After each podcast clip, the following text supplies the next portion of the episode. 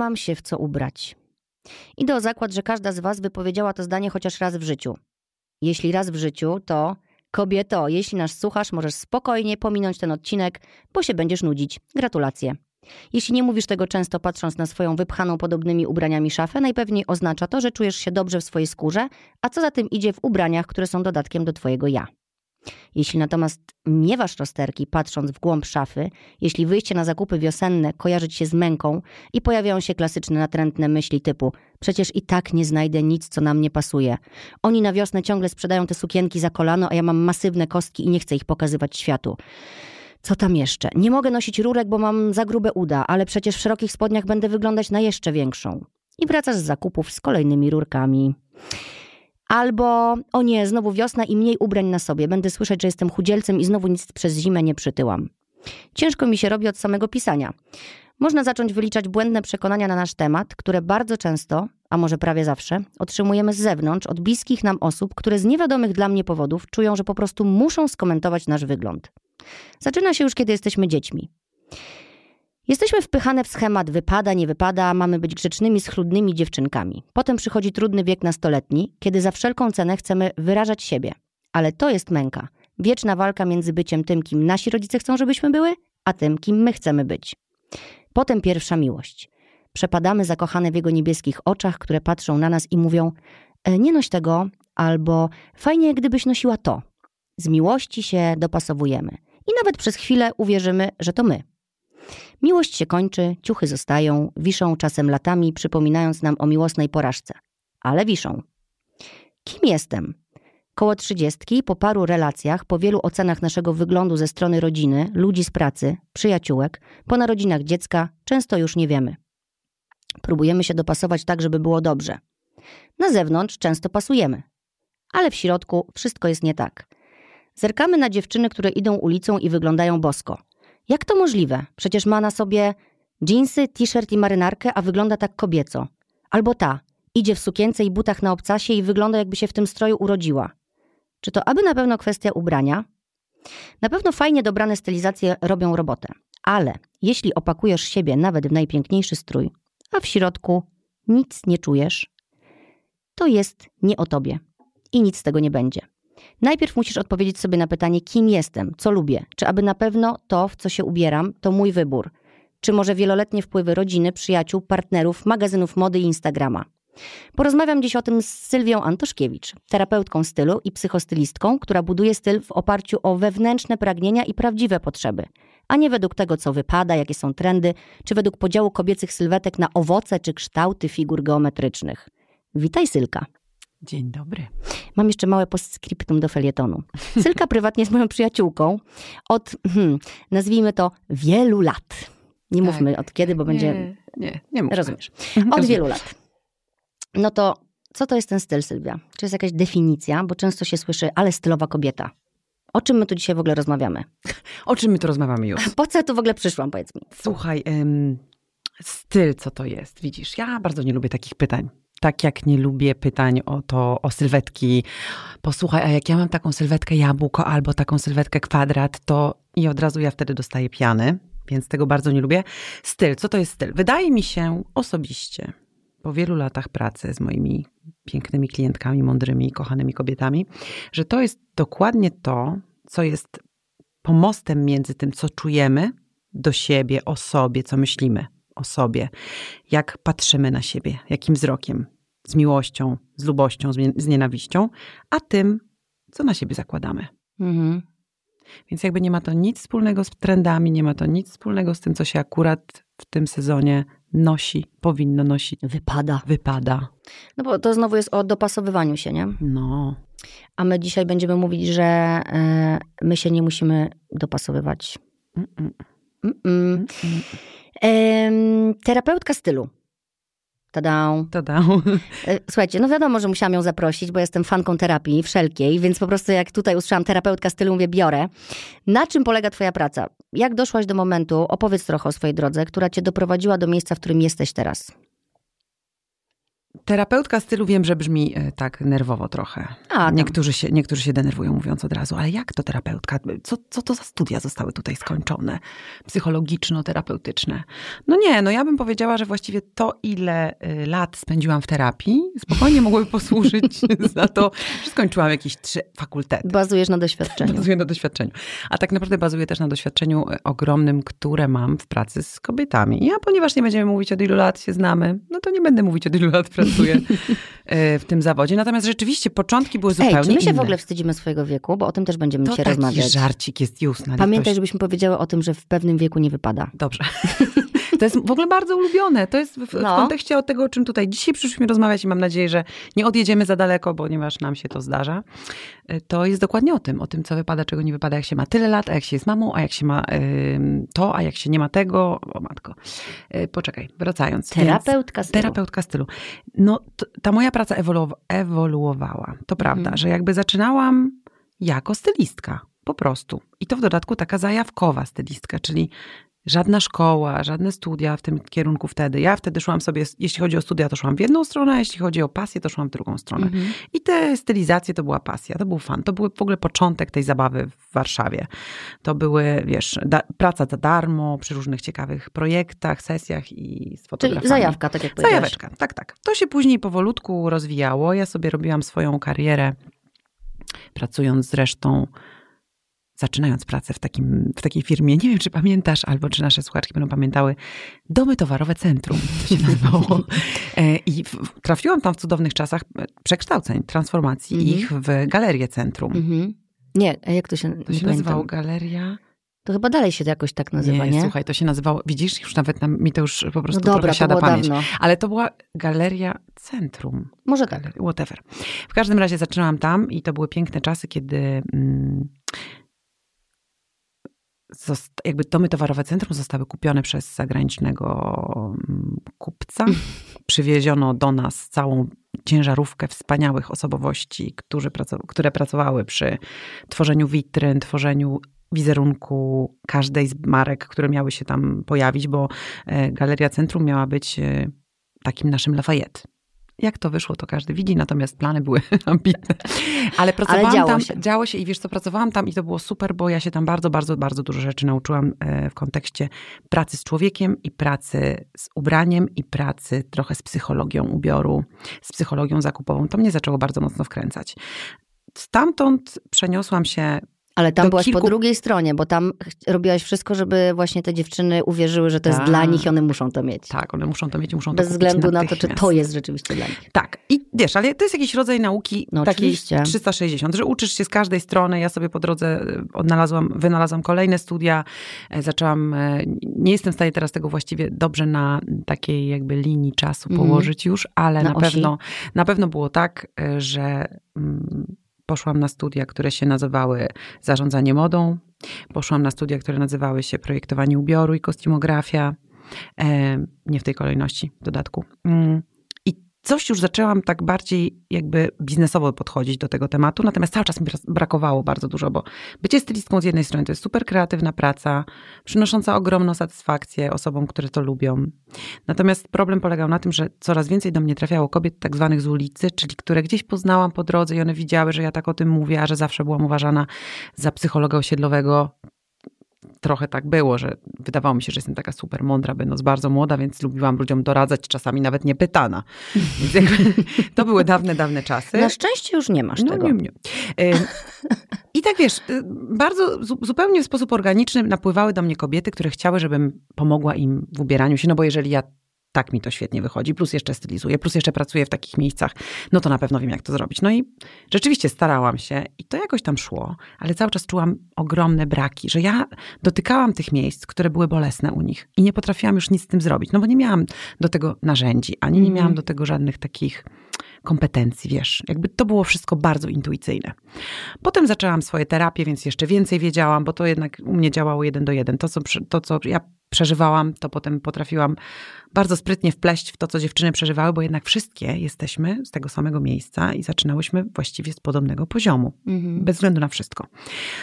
No ale cały czas czegoś mi brakowało, więc jakby pracując coraz więcej jako stylistka, potem zmieniałam firmy, w których pracowałam, one były bardzo mocno związane z ubraniami. Tam się już wszystko właściwie działo wokół ubrań, bo się pojawił w Polsce H&M, Zara, pojawił się y, taki dział jak visual merchandising, w którym ja pracowałam przez wiele lat. Pracowałam też dla, nie tylko dla polskich marek, ale też dla brytyjskich. Y, I cały czas się uczyłam, uczyłam, uczyłam. Dostawałam bardzo dużo nowych narzędzi, ciekawych też takich z pola biznesu, bo już tam byłam jakąś szefową działu, czy nie pamiętam. Boże święty, nie pamiętam. Mm, I kilkanaście lat temu odeszłam z takiej pracy, stwierdzając, że właściwie Znałam to jest ten. również. No, oczywiście. stwierdzając, że właściwie to tyle się dzieje fajnych rzeczy wokół, że ja już nie chcę być. Yy, związana ze strukturą, szczególnie, że tam w tych strukturach, w których kończyłam, już nie działo się dobrze. To była polska firma. Yy, i ja się już czułam bardzo mocno związana, a ponieważ jestem raczej takim wolnym duchem, lubię móc decydować o tym, co robię. Miałam tam obiecany, że ten dział jest mój i ja mogę go tworzyć od początku do końca, a potem okazało się, że nie do końca tak jest. No więc jakby sytuacja była taka, że zostałam z tej pracy wywalona na spity pysk. Ale w sumie mówię... Dzięki Bogu. Dzięki Bogu, tak. I od tamtego czasu mówię, że bardzo dobrze się stało i to było najlepsze, co mogło mnie spotkać, bo się wtedy mocno... Ktoś podjął decyzję za ciebie. Siebie. Tak jest. Więc to właściwie od tamtej pory zaczęłam już bardzo, bardzo mocno pracować z wizerunkami, z budowaniem wizerunków też w markach takich dużych, dla jakichś dużych korporacji, dla ich konkretnych brandów, dla konkretnych e, osób, które coś tam mają reprezentować i tak dalej. Cały czas fajnie, fajnie, fajnie, ale jednak praca dla korporacji to jest zawsze obarczona jakimś takim sztucznym briefem. Najbardziej mnie kręciło zawsze to, co się dzieje faktycznie w sercu tej osoby, z którą mm. pracuję. No i od, od niteczki po niteczce do tego kłębka nagle znalazłam e, Instytut Coachingu Stylu w Anglii, w Londynie. I okazało się, że oni mają tam właściwie bardzo dużo tego, co ja potrzebuję. Zrobiłam ten certyfikat. Od tamtej pory oczywiście wymyśliłam to trzy razy odwrotnie, już wszystko pozmieniałam. Po swojemu. Po swojemu. No bo to jest jakby trochę tak, że musimy to, dostosować. znaczy ja czułam, że chcę to dostosować do naszego rynku, do naszych Polek. My jesteśmy naprawdę mm-hmm. wybitnie... o tym mówić, dlaczego. Wybitnie specyficzne pod wieloma względami. Wydaje mi się, że... Wybitnie uparte. Wybitnie, wybitnie dziwnie wychowywane też, wiesz. No, uparte powiedziałam w kontekście trzymania się na przykład swoich kompleksów, nie? I mam tutaj takie pytanie do ciebie. Dlaczego Polki tak się boją uwierzyć, że ten kompleks nie jest ich, tylko ktoś im go w, na przykład wpoił kiedyś, nie? Wiesz co, to w ogóle nie jest kwestia strachu. Serio, to jest kwestia tego, że one nie wiedzą, że tak jest. I ten moment, w którym się orientują, aha, to nie ja. Bo przez całe życie mhm. idziemy z taką historią, że tak jest. Jakby mm, ktoś ma kompleks, tak jak powiedziałaś, czy tam z czymś problem, to ta osoba, która do mnie przychodzi i mówi, że ma z tym problem, ona naprawdę święcie w to wierzy. Tam nie ma strachu. Okay. Tam jest autentyczna, ślepa no, ale wiara jak już się dowie, no to też to nie jest takie, że ona tak, ty jej powiesz, ale ty nie masz wcale odstających uszu. Ona, a, nie. dzięki. Nie, nie, nie, słuchaj, 35 ogóle... lat, kurde, żyłam. No ale wiesz, bo musisz naprawdę się potem bardzo nastarać, żeby to puścić, nie? Ale poczekaj, bo już skaczemy po tematach. Milczę. Nie, bo, bo tam się zadziała długa historia o tej drodze. Ja chcę wiedzieć, co, to, to czym się teraz zajmujesz. Wiem, że ukończyłaś ten, y, że zrobiłaś ten certyfikat do coacha stylu, ale wciąż wciąż się przepoczwarzałaś, bo ty nie stanęłaś na tym, bo już przez chwilę pamiętam, że była, dobra, będę coachem stylu, ale potem dalej szukałaś czegoś, dalej cię coś gniotło, dalej chciałaś inaczej. I teraz jest to. I teraz pracujesz jak? Teraz wymyśliłam swoją metodę, znaczy teraz. Jakiś czas temu wymyśliłam, bazując na latach doświadczenia, ale też właśnie w wszystkich szkołach, które skończyłam, wymyśliłam swoją własną metodę, Inside Your Style, która polega na tym, po, po, angielsku ładnie brzmi, bo jakoś po polsku nie da się tego ładnie powiedzieć, że w twoim stylu, no to trochę, no nie, bo to Jak chodzi o w środku. No chodzi o to, że tam inside, czyli w tym środeczku, tam bardzo czyli, głęboko. Że wszystko się zaczyna od środka. Tak. Cały tak, styl. Tak. I jakby odwróciłam trochę tą sytuację. Czyli moja praca polega na tym, że właściwie 60-70% mojej pracy to jest praca na wnętrzu, a dopiero ta budujemy torcik. Mhm. Okrywamy torcik na samym końcu, a dopiero potem jest wisienka. Bo, a czym jest ta wisienka? No ta wisienka jest tym miejscem, w którym już wiesz, że to ubranie to jest naprawdę twoje. I wiesz dlaczego. I wiesz, po co ci jest ono? Zapytałaś o, muszę tam wrócić, zapytałaś o, o to, jak to jest, że wiesz, dziewczyna słyszy na przykład ode mnie coś, to akurat nigdy nie jest takie proste, jak powiedziałaś, no, no ale załóżmy, ale, że no, mamy taki prosty przykład. musimy uprościć. Tak, jakby mamy ten prosty przykład i jak to dziewczyna ma w to uwierzyć. Wiesz, jak to jest w terapii Dowiadujesz się czegoś po latach, Czyli przez ileś lat, 30, 35, 40 lat, żyłaś z jakimś przekonaniem. Nie da się tego z dnia na dzień wyłączyć. Nie. Więc to jest już proces i w tym procesie jesteś. I to czasami zadziewa się tak, że dziewczyna po skończeniu procesu ze mną mija trzy miesiące kolejne i dopiero do mnie pisze i mówi: Stara, ja nareszcie zrozumiałam, o czym ty mówiłaś. Mhm. Dotarło i jakby do serca. Bo to oczywiście zadziewa się bardzo dużo procesowych rzeczy, tam się dużo dzieje, dużo, dużo, dużo, ale są nitki, które są tylko dotknięte i one sobie później pracują same to są czasami niektórych rzeczy nie wyjmiesz. Po prostu musisz e, stwierdzić, dobra, no mm, okej, okay, te uszy takie są, a nie lubię ich nadal i mam to gdzieś po prostu. Okay, mam, Nawet nie jest już no, kwestia akceptacji. Tak. To jest neutralność. Neutralne podejście. Dobra, jest jak jest. A być może za kilka lat stwierdzi, że jednak w nich była cała jej uroda. No kurde, ja przecież ile lat żyłam z y, te, tą łatką, że mam odstające uszy. Całą podstawówkę, bo tam dzieci mi mówiły, że mam odstające uszy. Całe liceum, nosiłam nawet, już byłam o krok od operacji. Jak my się poznałyśmy, to jeszcze pamiętam, że mi no. o tym mówiłaś. A ja sobie myślałam, co ona A teraz gada? ja w ogóle nie mam żadnych odstających uszu. Nie masz. A nawet gdybym miała, to ja lubię moje uszy. Odwalcie się. Nie, ale nie masz po prostu. No nie mam, ale słuchaj, byłam przekonana, że mam. I to właśnie przez to, że dzieciaki na przykład mi mówiły, że mam odstające uszy, nie? No. Kluczem do znalezienia swojego stylu jest budowanie relacji z samą sobą? Absolutnie. Dziękuję. Kropka. E, no, bardzo dziękujemy, że słuchaliście naszego krótkiego, 15-minutowego podcastu. Ale jednak nie, powiemy coś więcej. Mm, przytaczasz takie zdanie. Kluczem do wspaniałego stylu jest to, żeby wspaniale czuć się w swoich ubraniach. I to jest jakby kwintesencja tego, z czym ty pracujesz z klientkami w tej chwili. To jest ważne, że to nie jest żaden mój cytat, tylko to jest Przytaczasz, cytat, który tak, ja bardzo, bardzo lubię ten cytat i rzeczywiście on jest jeden do jeden tym, e, czym kończy się nasza praca z klientkami. Bo co z tego, że kupimy piękne ubrania już? Co z tego, że mamy pełną szafę markowych rzeczy, które są piękne, świetnej jakości, jedwabne, takie, siakie. Kiedy stajesz przed tą szafą i masz rozpacz w oczach, bo nieważne, czy będziesz miała tam szmaty, czy worki na kartofle, czy miliony złotych wydane, to dopóki ty w środku nie jesteś szczęśliwa, nie jesteś ze sobą w związku, mhm. w dobrej relacji, to te ubrania niczego ci nie wniosą. Jeszcze gorzej ci będzie, bo wydałaś tyle kasy, a dalej to nie działa. Na przykład. No. no. E, jak zaczynasz proces z klientką? Jakie pytania zadajesz na samym początku, żeby zacząć obierać tą cebulkę i dojść właśnie do tej. Będziemy teraz tak, cebulka, mieliśmy nie mówić tymi owockami. owockami no to żeby, żeby dojść do wisienki. Słuchaj, dopóki nie mówimy w ten sposób o sylwetkach kobiecych, nie wkładamy kobiet w żadne szuflady, to jest git. Żadne gruszki. Y, słuchajcie, y, nasi, znaczy nasi tutaj kochane, nasze kochane słuchaczki. No więc pierwszym pytaniem, które zadaje pani Sylwia, co bardzo wszystkich dziwi w sumie zawsze, to jest, y, a co twoja mama mówiła o sobie, jak byłaś mała? Mm. Nie do ciebie, tylko nie o, sobie. o tobie, tylko o sobie. Jaki obraz twoja mama miała zbudowany w domu? Co mówiła stojąc przed lustrem? W jaki sposób szykowała się na swoje wyjścia? Czy w ogóle się szykowała? Czy pracowała? Jeśli pracowała, to jak? A co robiła? A jak się ubierała? I, te, I nagle okazuje się, że odkrywamy nasze mamy.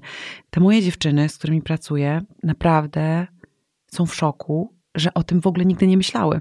Ja sama odkrywam cały czas nowe rzeczy na temat mojej mamy. Przypomniało mi się właśnie ostatnio, że moja mama zawsze się, y, zawsze przed wyjściem na jakieś tam schadzki, imprezki, a oni lubili bardzo wychodzić w tych czasach trudnych, w tej siermiędze.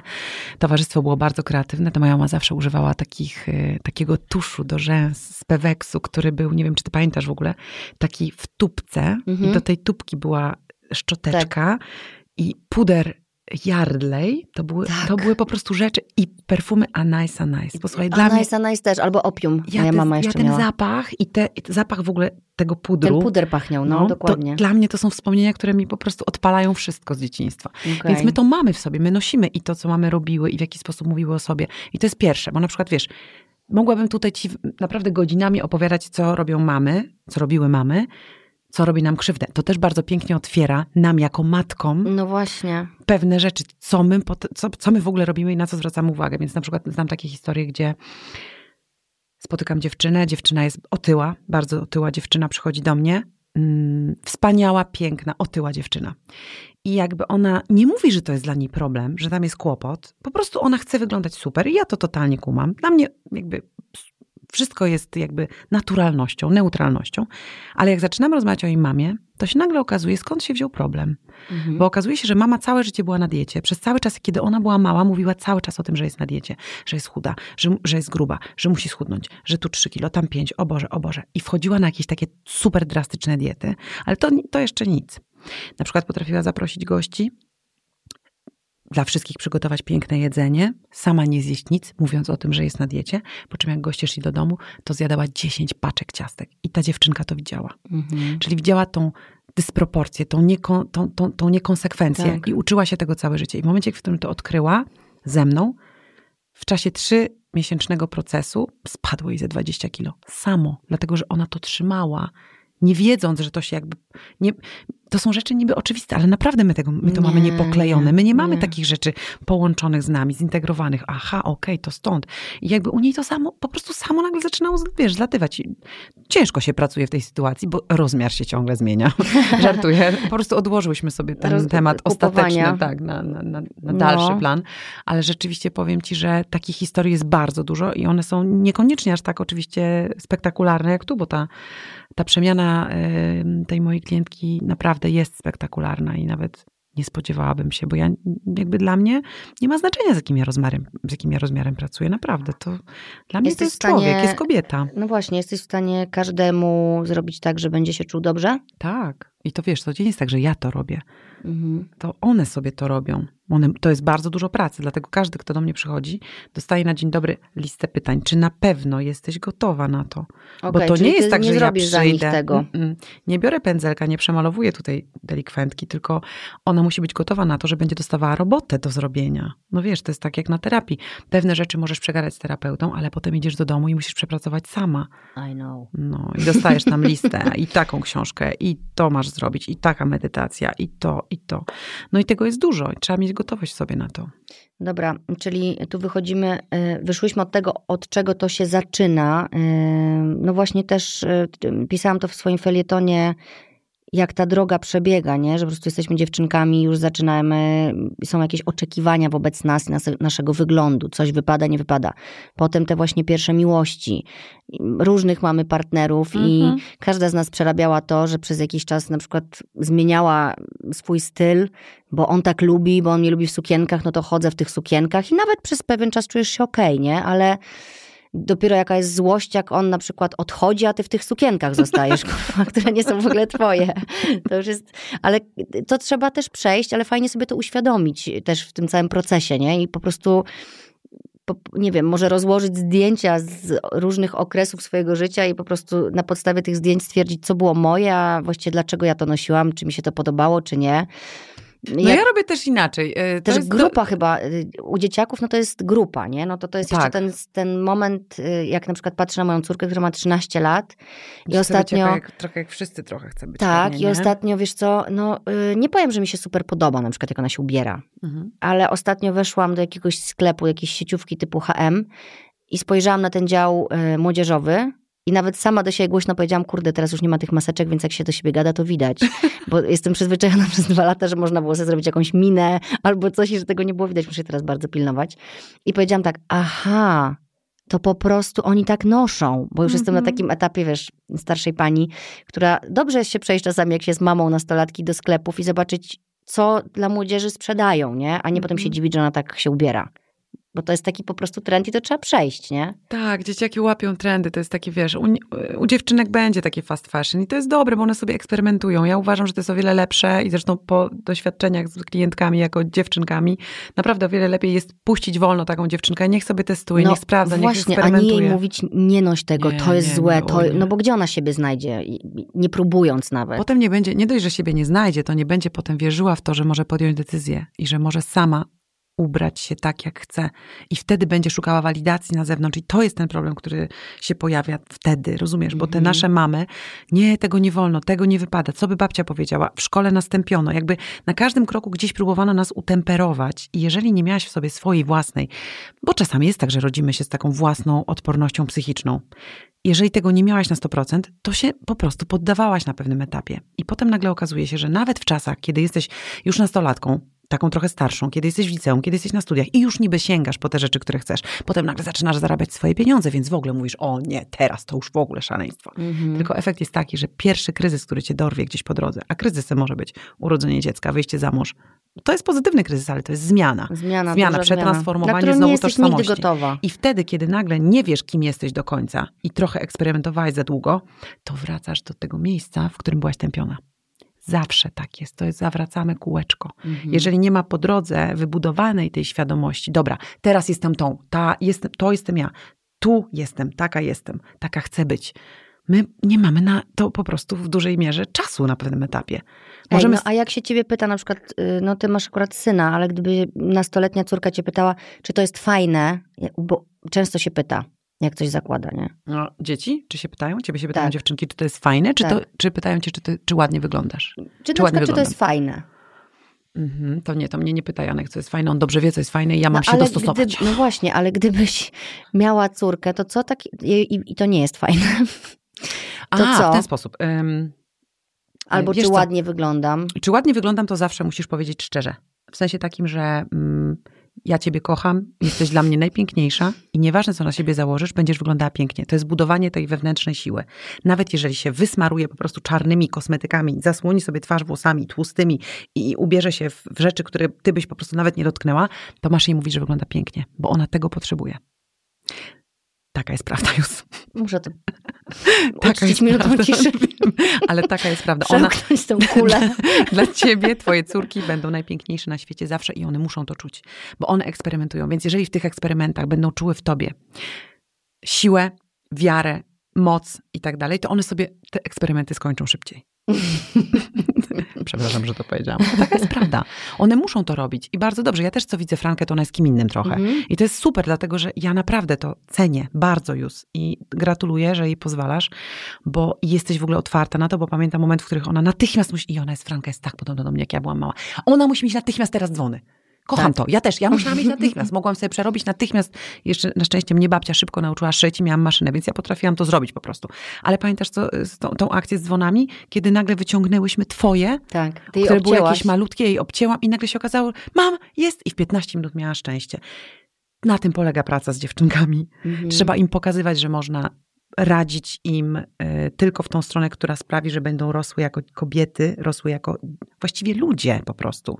Rosły jako jednostki, rosły jako ta ich, wiesz, wewnętrzna odporność. Tu, to ją masz budować, nie to, co ona ma na sobie. Okej.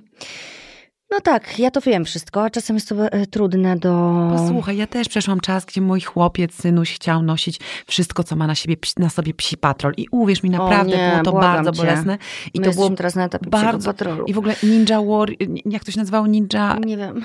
Boże, Ninjago i te wszystkie shity i te, te buty, y, y, słuchaj, świecące. Ja rozmawiałam wtedy z moim synem z tej, z tej strony. Podpowiem ci, ale wiesz, jakby on mnie słuchał trochę jak fachowca, bo ja mu powiedziałam, synu, tworzyłam przez lata z Olką Osadzińską projekt Art Yard Sale, który miał u podstaw budowanie wśród ludzi estetycznego poczucia wartości.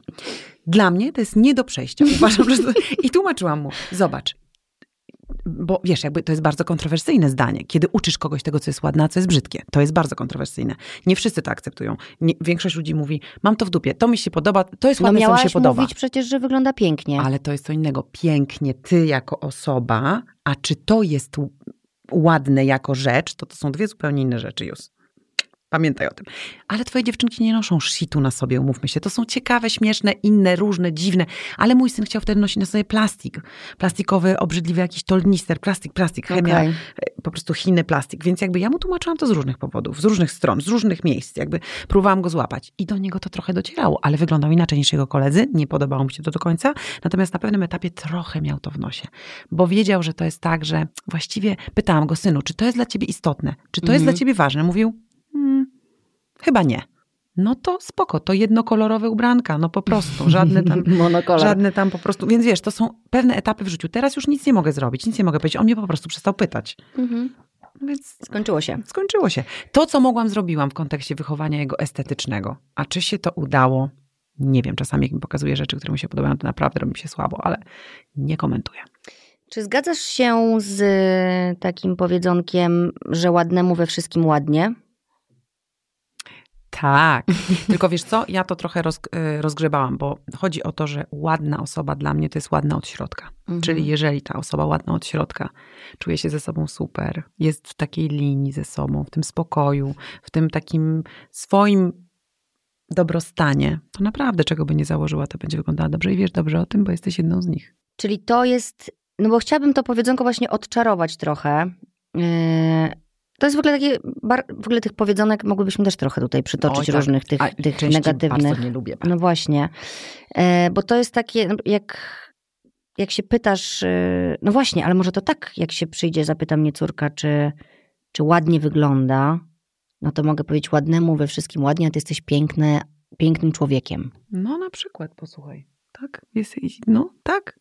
Bo to już też popatrz, jak buduje, nie? I trochę uciekasz od tematu de facto, trochę jakby, wiesz o co chodzi, no jakby no, nie realizujesz jej. A przekaz jest pozytywny. A przekaz jest bardzo pozytywny. Czyli jeżeli ktoś się czuje dobrze ze sobą, to będzie wyglądał dobrze. I o tym jest właściwie ten odcinek, że na siłę się nic nie uda. Mm-mm. Możemy oszukać na zewnątrz, ale Na chwilę. tak jak pisałam właśnie w tym felietonie, że potem widzisz dziewczynę, która właściwie nie ma na sobie nic spektakularnego, ale sposób w jaki się nosi i w jaki idzie i w ogóle nie myśli o tym, to po prostu chcesz taka być jak ona, nie?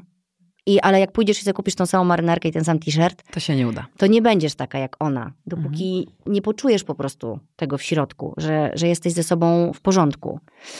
Ja nie wiem, czy to jest dobra wiadomość, czy zła, bo czyli Ja myślę, że to jest się bardzo przebrać. dobra wiadomość. Wiesz co, ja myślę już, że to jest bardzo dobra wiadomość, bo to jakby niweluje albo mogłoby zniwelować presję social mediów, dlatego że zobacz, co się dzieje. Widzimy coś na Instagramie, na Facebooku, teraz już mniej, więc na Instagramie widzimy coś, co nam się podoba.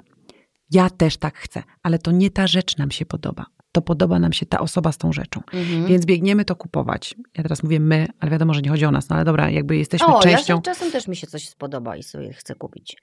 No dobra, ale jakby ja mówię o, o, tutaj o osobach, które właśnie troszeczkę są jeszcze zagubione w tym, więc biegną za, za takim jakby za tym i za tym i za tym. I potem się okazuje, kiedy zakłada ta osoba to w domu, że to kurde w ogóle nie. Tu Mhm. coś nie działa. I to chodzi po prostu tylko i wyłącznie o to, że tamta osoba, która to założyła, czuła się w tym po prostu super dobrze, bo to było bardzo z nią. A ta osoba, która to kupiła teraz i jest kompletnie oderwana od rzeczywistości tamtej osoby, bo jest jednak przed telefonem, a jej szafa nadal pozostaje jej szafą i ona nadal pozostaje sobą, nie sklei się z tą rzeczą, dopóki ta osoba faktycznie nie sprawdzi, co jest jej. I bardzo często przychodzi jakby taka refleksja na koniec pracy ze mną, że te rzeczy, które były kupione w takim impulsie za kimś, to one nawet jak już ta osoba się czuje wspaniale ze sobą, to one nadal nie pasują, bo to już po Albo prostu nie bardziej. jest to. Nie pasują, Albo bo tym nie są bardziej. już, No. bo ona już wie, że nie są o niej. Oddać te rzeczy. Proszę. Jak się je kupi, przymierzy w domu i się okazuje, że na tobie to tak nie leży, to oddać. I teraz tutaj mamy takie dwie linie, bo pierwsza to jest ta, o której mówisz yy, i której przed chwilą rozmawiałyśmy, czyli taka trochę założenie błędne dotyczące tego, jak ktoś coś na siebie założy Mhm. i że ja będę tak samo. To jest jedna. Ale jest jeszcze druga sprawa i tam mówię odwrotnie. Czyli jeżeli idziesz do sklepu, kochana słuchaczko, idziesz do sklepu, trochę jesteś tam sfrustrowana swoją szafą, coś tam cię uwiera, nieważne, idziesz do sklepu i widzisz coś, co jest niby w ogóle nie twoje. Takie zupełnie oderwane od twojej szafy. Ale coś się zatrzymuje. Ale coś cię zatrzymuje. Idziesz z tym do przymierzalni, czyli jesteś w miejscu zupełnie neutralnym. Nie ma tam twoich rzeczy, twojego życia, twojego miejsca. Jesteś ty, lustro i ta rzecz. I jeżeli w tym lustrze widzisz to, co chcesz zobaczyć, jesteś super szczęśliwa i tą rzecz kupujesz, a potem wracasz do domu i okazuje się, że o, ja pierniczę, po prostu to do niczego nie pasuje, nie wiem, co z tym zrobić i jest histeria, nie oddawaj tego. O, Dlatego, że to jest taki pierwszy skowroneczek, który chce zmiany. okej. Przyglądaj się temu, zamiast przyglądaj się temu, dokąd twoje serce cię pcha, zamiast próbować ściągnąć tą rzecz do tego, co było. Mhm. Bo to się nie połączy To często. się nie połączy. Odwrotnie trzeba wtedy myśleć, że a kurde, a ta, czy ta moja szafa to właściwie to jest to, co ja bym chciała? I w drugą stronę. Czyli odwieszamy te rzeczy w szafie, niech sobie powiszą. One się tam, a zadzwoń do mnie później. nie żartuję. Ale ogólnie bardzo często mam takie historie, że dziewczyny mówią, bo wiesz, bo ja mam takich kilka rzeczy, które są takie drogie i ja na to wydałam tyle kasy, ale są takie piękne. I ja myślę czasami na przykład, że kupiłam to tylko dlatego, że jest takie ładne. Ja mówię, nie, stara, kupiłaś to dlatego, że twoje serce tego chce. Ja ci Stara. tylko muszę pokazać, co z tym zrobić Kupiłam teraz. sobie ostatnio różowe spodnie. No. Bardzo w kabinie. W kabinie. W kabinie. W kabinie przymierzalnej. W kabinie bardzo dobrze mi się w tych spodniach. I stwierdziłam, dobra, takie super różowe, nie? Ale wiszą. Cały czas wiszą, ani razu jeszcze ich nie miałam na sobie. Do No tego sobie kupiłam t-shirt biały z różowym napisem. Nie wiem, no miałam jakiś taki po prostu, nie oddałam. No i właśnie I właśnie to sobie idziesz. myślałam o tym ostatnio, że może czekam po prostu na tą wiosnę. Już posłuchaj, ja chcę ci powiedzieć tutaj jako twoja przyjaciółka, ale też obserwatorka. Zatkajcie i uszy, bo to będzie jakieś prywatne. Bardzo was proszę. Chciałam powiedzieć, że ja ciebie bardzo dobrze obserwuję w kontekście tego, jak ty się rozwijasz, jeśli chodzi o ciuchy. Ty jesteś y, kosmos za kosmosem dalej niż byłaś rok temu jeszcze. Ty teraz jesteś w mega transformacji ciuchowej, więc ty się tutaj nie zawieszaj na tym, że tego nie założysz, bo jeszcze rok temu, jakbyśmy gadały, byłabyś zupełnie, zresztą gadałyśmy rok temu, byłaś zupełnie gdzie indziej, rok wcześniej byłaś jeszcze gdzie indziej, rok wcześniej gdzie indziej, ty fruniesz, ty jesteś po prostu na takiej wznoszącej stałej, w stronę czegoś, co jest na końcu, ale co jest, tego nie wiemy. Ja też nie wiem. Wisienka. Więc te różowe spodnie i ten t-shirt to jest dokładnie to, gdzie ty będziesz sobie tam No ciekawa jestem za bardzo. dwa, trzy tygodnie. Być może, no ale no wiszą i powiem ci, że wiszą nawet tak przy wejściu od razu, że, że ja jej widzę. No ale jednak sięgam po jakieś moje, wiesz, No białe, jeszcze poczekaj, beże. nawykowo, poczekaj, spokojnie. Jakby najważniejsze, zachowaj spokój. Bo to, co dziewczyny właśnie robią, kupując sobie coś, co jest nagle inne, odstające od szafy, to panikują. Boże, wydałam kasę, bez sensu, trzeba oddać. No i wiesz, i No robi się właśnie. frustracja, i robi się wewnętrzny nacisk. Znowu kolejna presja, że jakby zobaczcie, te szafy nasze naprawdę potrafią nam nieźle w głowach popsuć. A chodzi o to, żebyśmy w szafie miały święty spokój. No dobra, czyli, bo ja powiedziałam oddawać, ale czy w jakimś wypadku lepiej oddać? No w tym, co wcześniej rozmawiałyśmy, czyli wtedy, kiedy kupujesz nie dlatego, że twoje serce ci podpowiedziało, Tylko, że zobaczyłaś na tylko kimś i ci zobaczyłaś się podobało. i ci się podobało, bo wtedy się klei osobowość z tą rzeczą, a nie ta rzecz de facto. Okej, To są te dwie czyli różnice. kabina, przymierzalnia, Ty, ty tak, i lustro, jak ci się klei, to jest dobry trop. tak. ale jak patrzysz absolutnie. na zdjęcie i chcesz wyglądać tak jak osoba ze zdjęcia, no tak jak często wiesz, jak idziemy do fryzjera i mówimy, proszę na Angelinę Jolie, wychodzisz i kurwa dalej nie jesteś Angelina Jolie. Ktoś mnie oszukał, strasznie słaba fryzjerka. nie ogarnęła Słuchaj, ja, ja nie pamiętam w ogóle kiedy tak, bo ja do fryzjera chodzę raz na pół roku, ale rzeczywiście były takie czasy w podstawówce czy w liceum, że się szło na, kogo, kogoś. ale dalej się chodzi, bo... Boże, jak to źle, jakie to było złe. No, ale dalej dziewczyny chodzą, bo ja na przykład rozmawiam też z moją fryzjerką i na Nagłowską też jest czasem prośba, nie? No i właśnie ja nie chcę, żeby ktoś się później czuł oszukany, bo to tak nie działa, no. Trzeba mieć takie włosy, trzeba mieć wszystko. no, Dokładnie, nie da, jesteśmy, dokładnie. każda jest inna. To jest takie wspaniałe dziewczyny.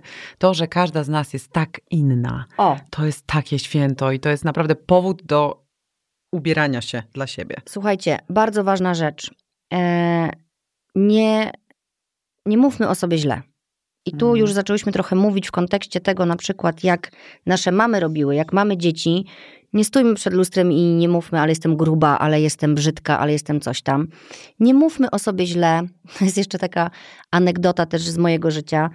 E, przy swoich facetach.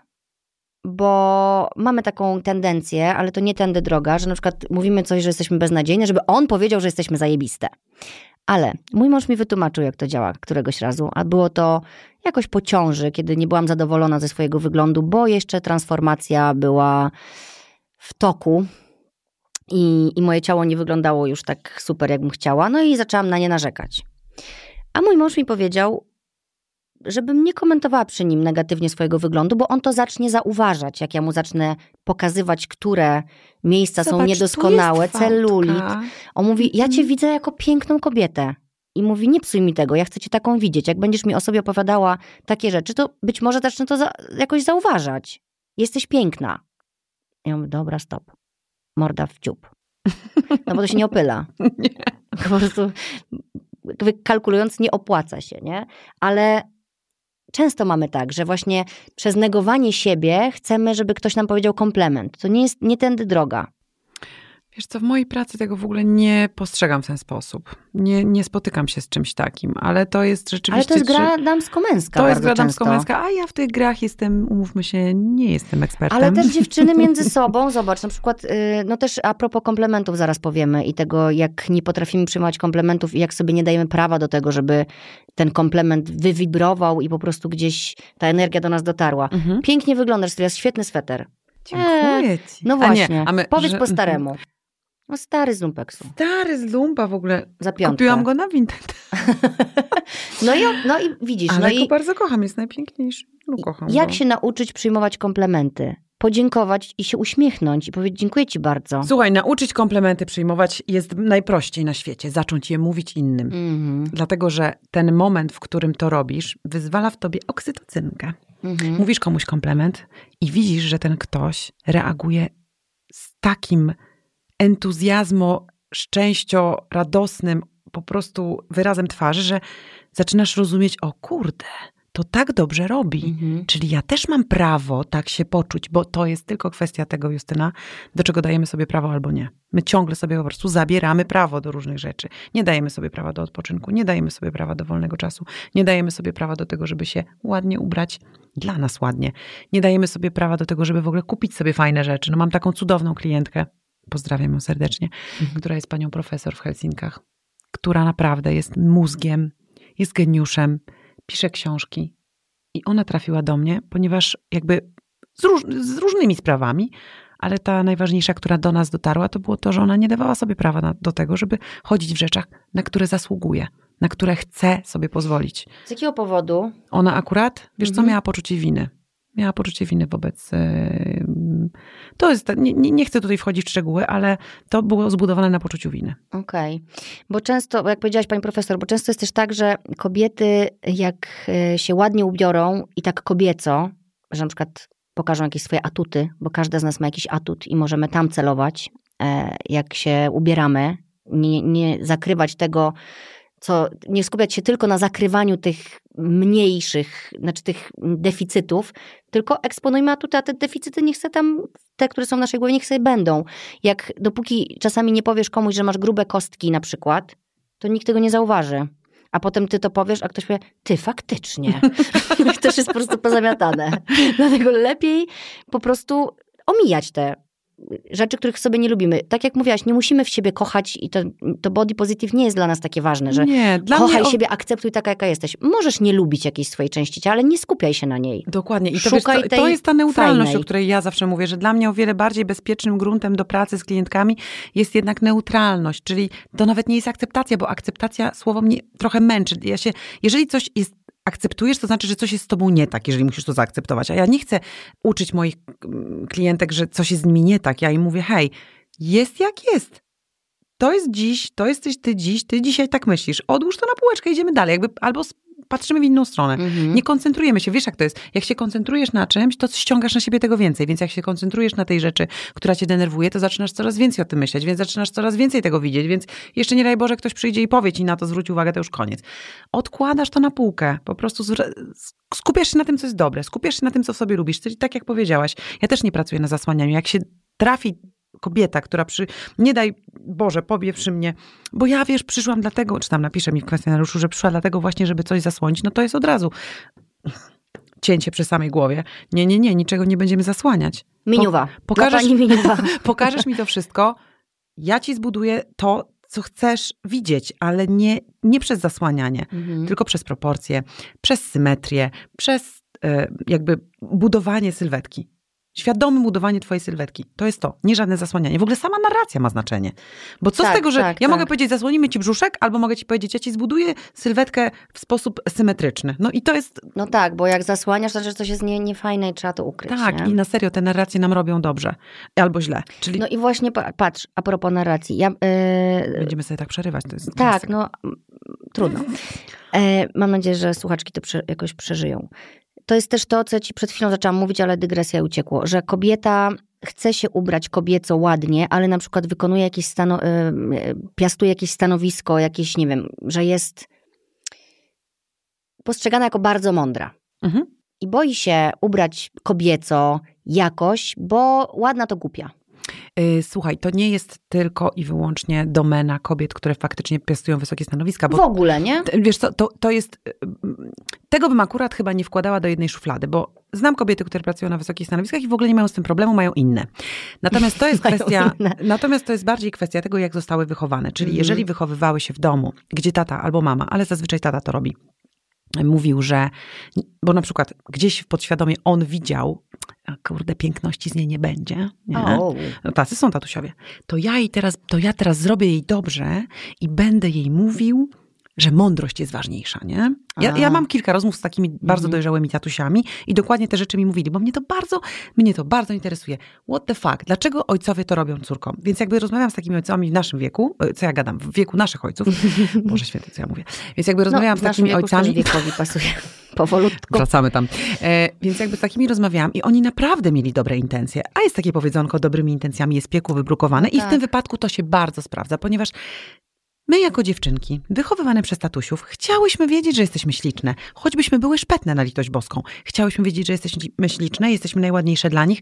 Relacja córka-ojciec jest stuprocentowo istotną relacją w tym, jak później budujesz siebie jako kobieta, w jakich partnerów inwestujesz.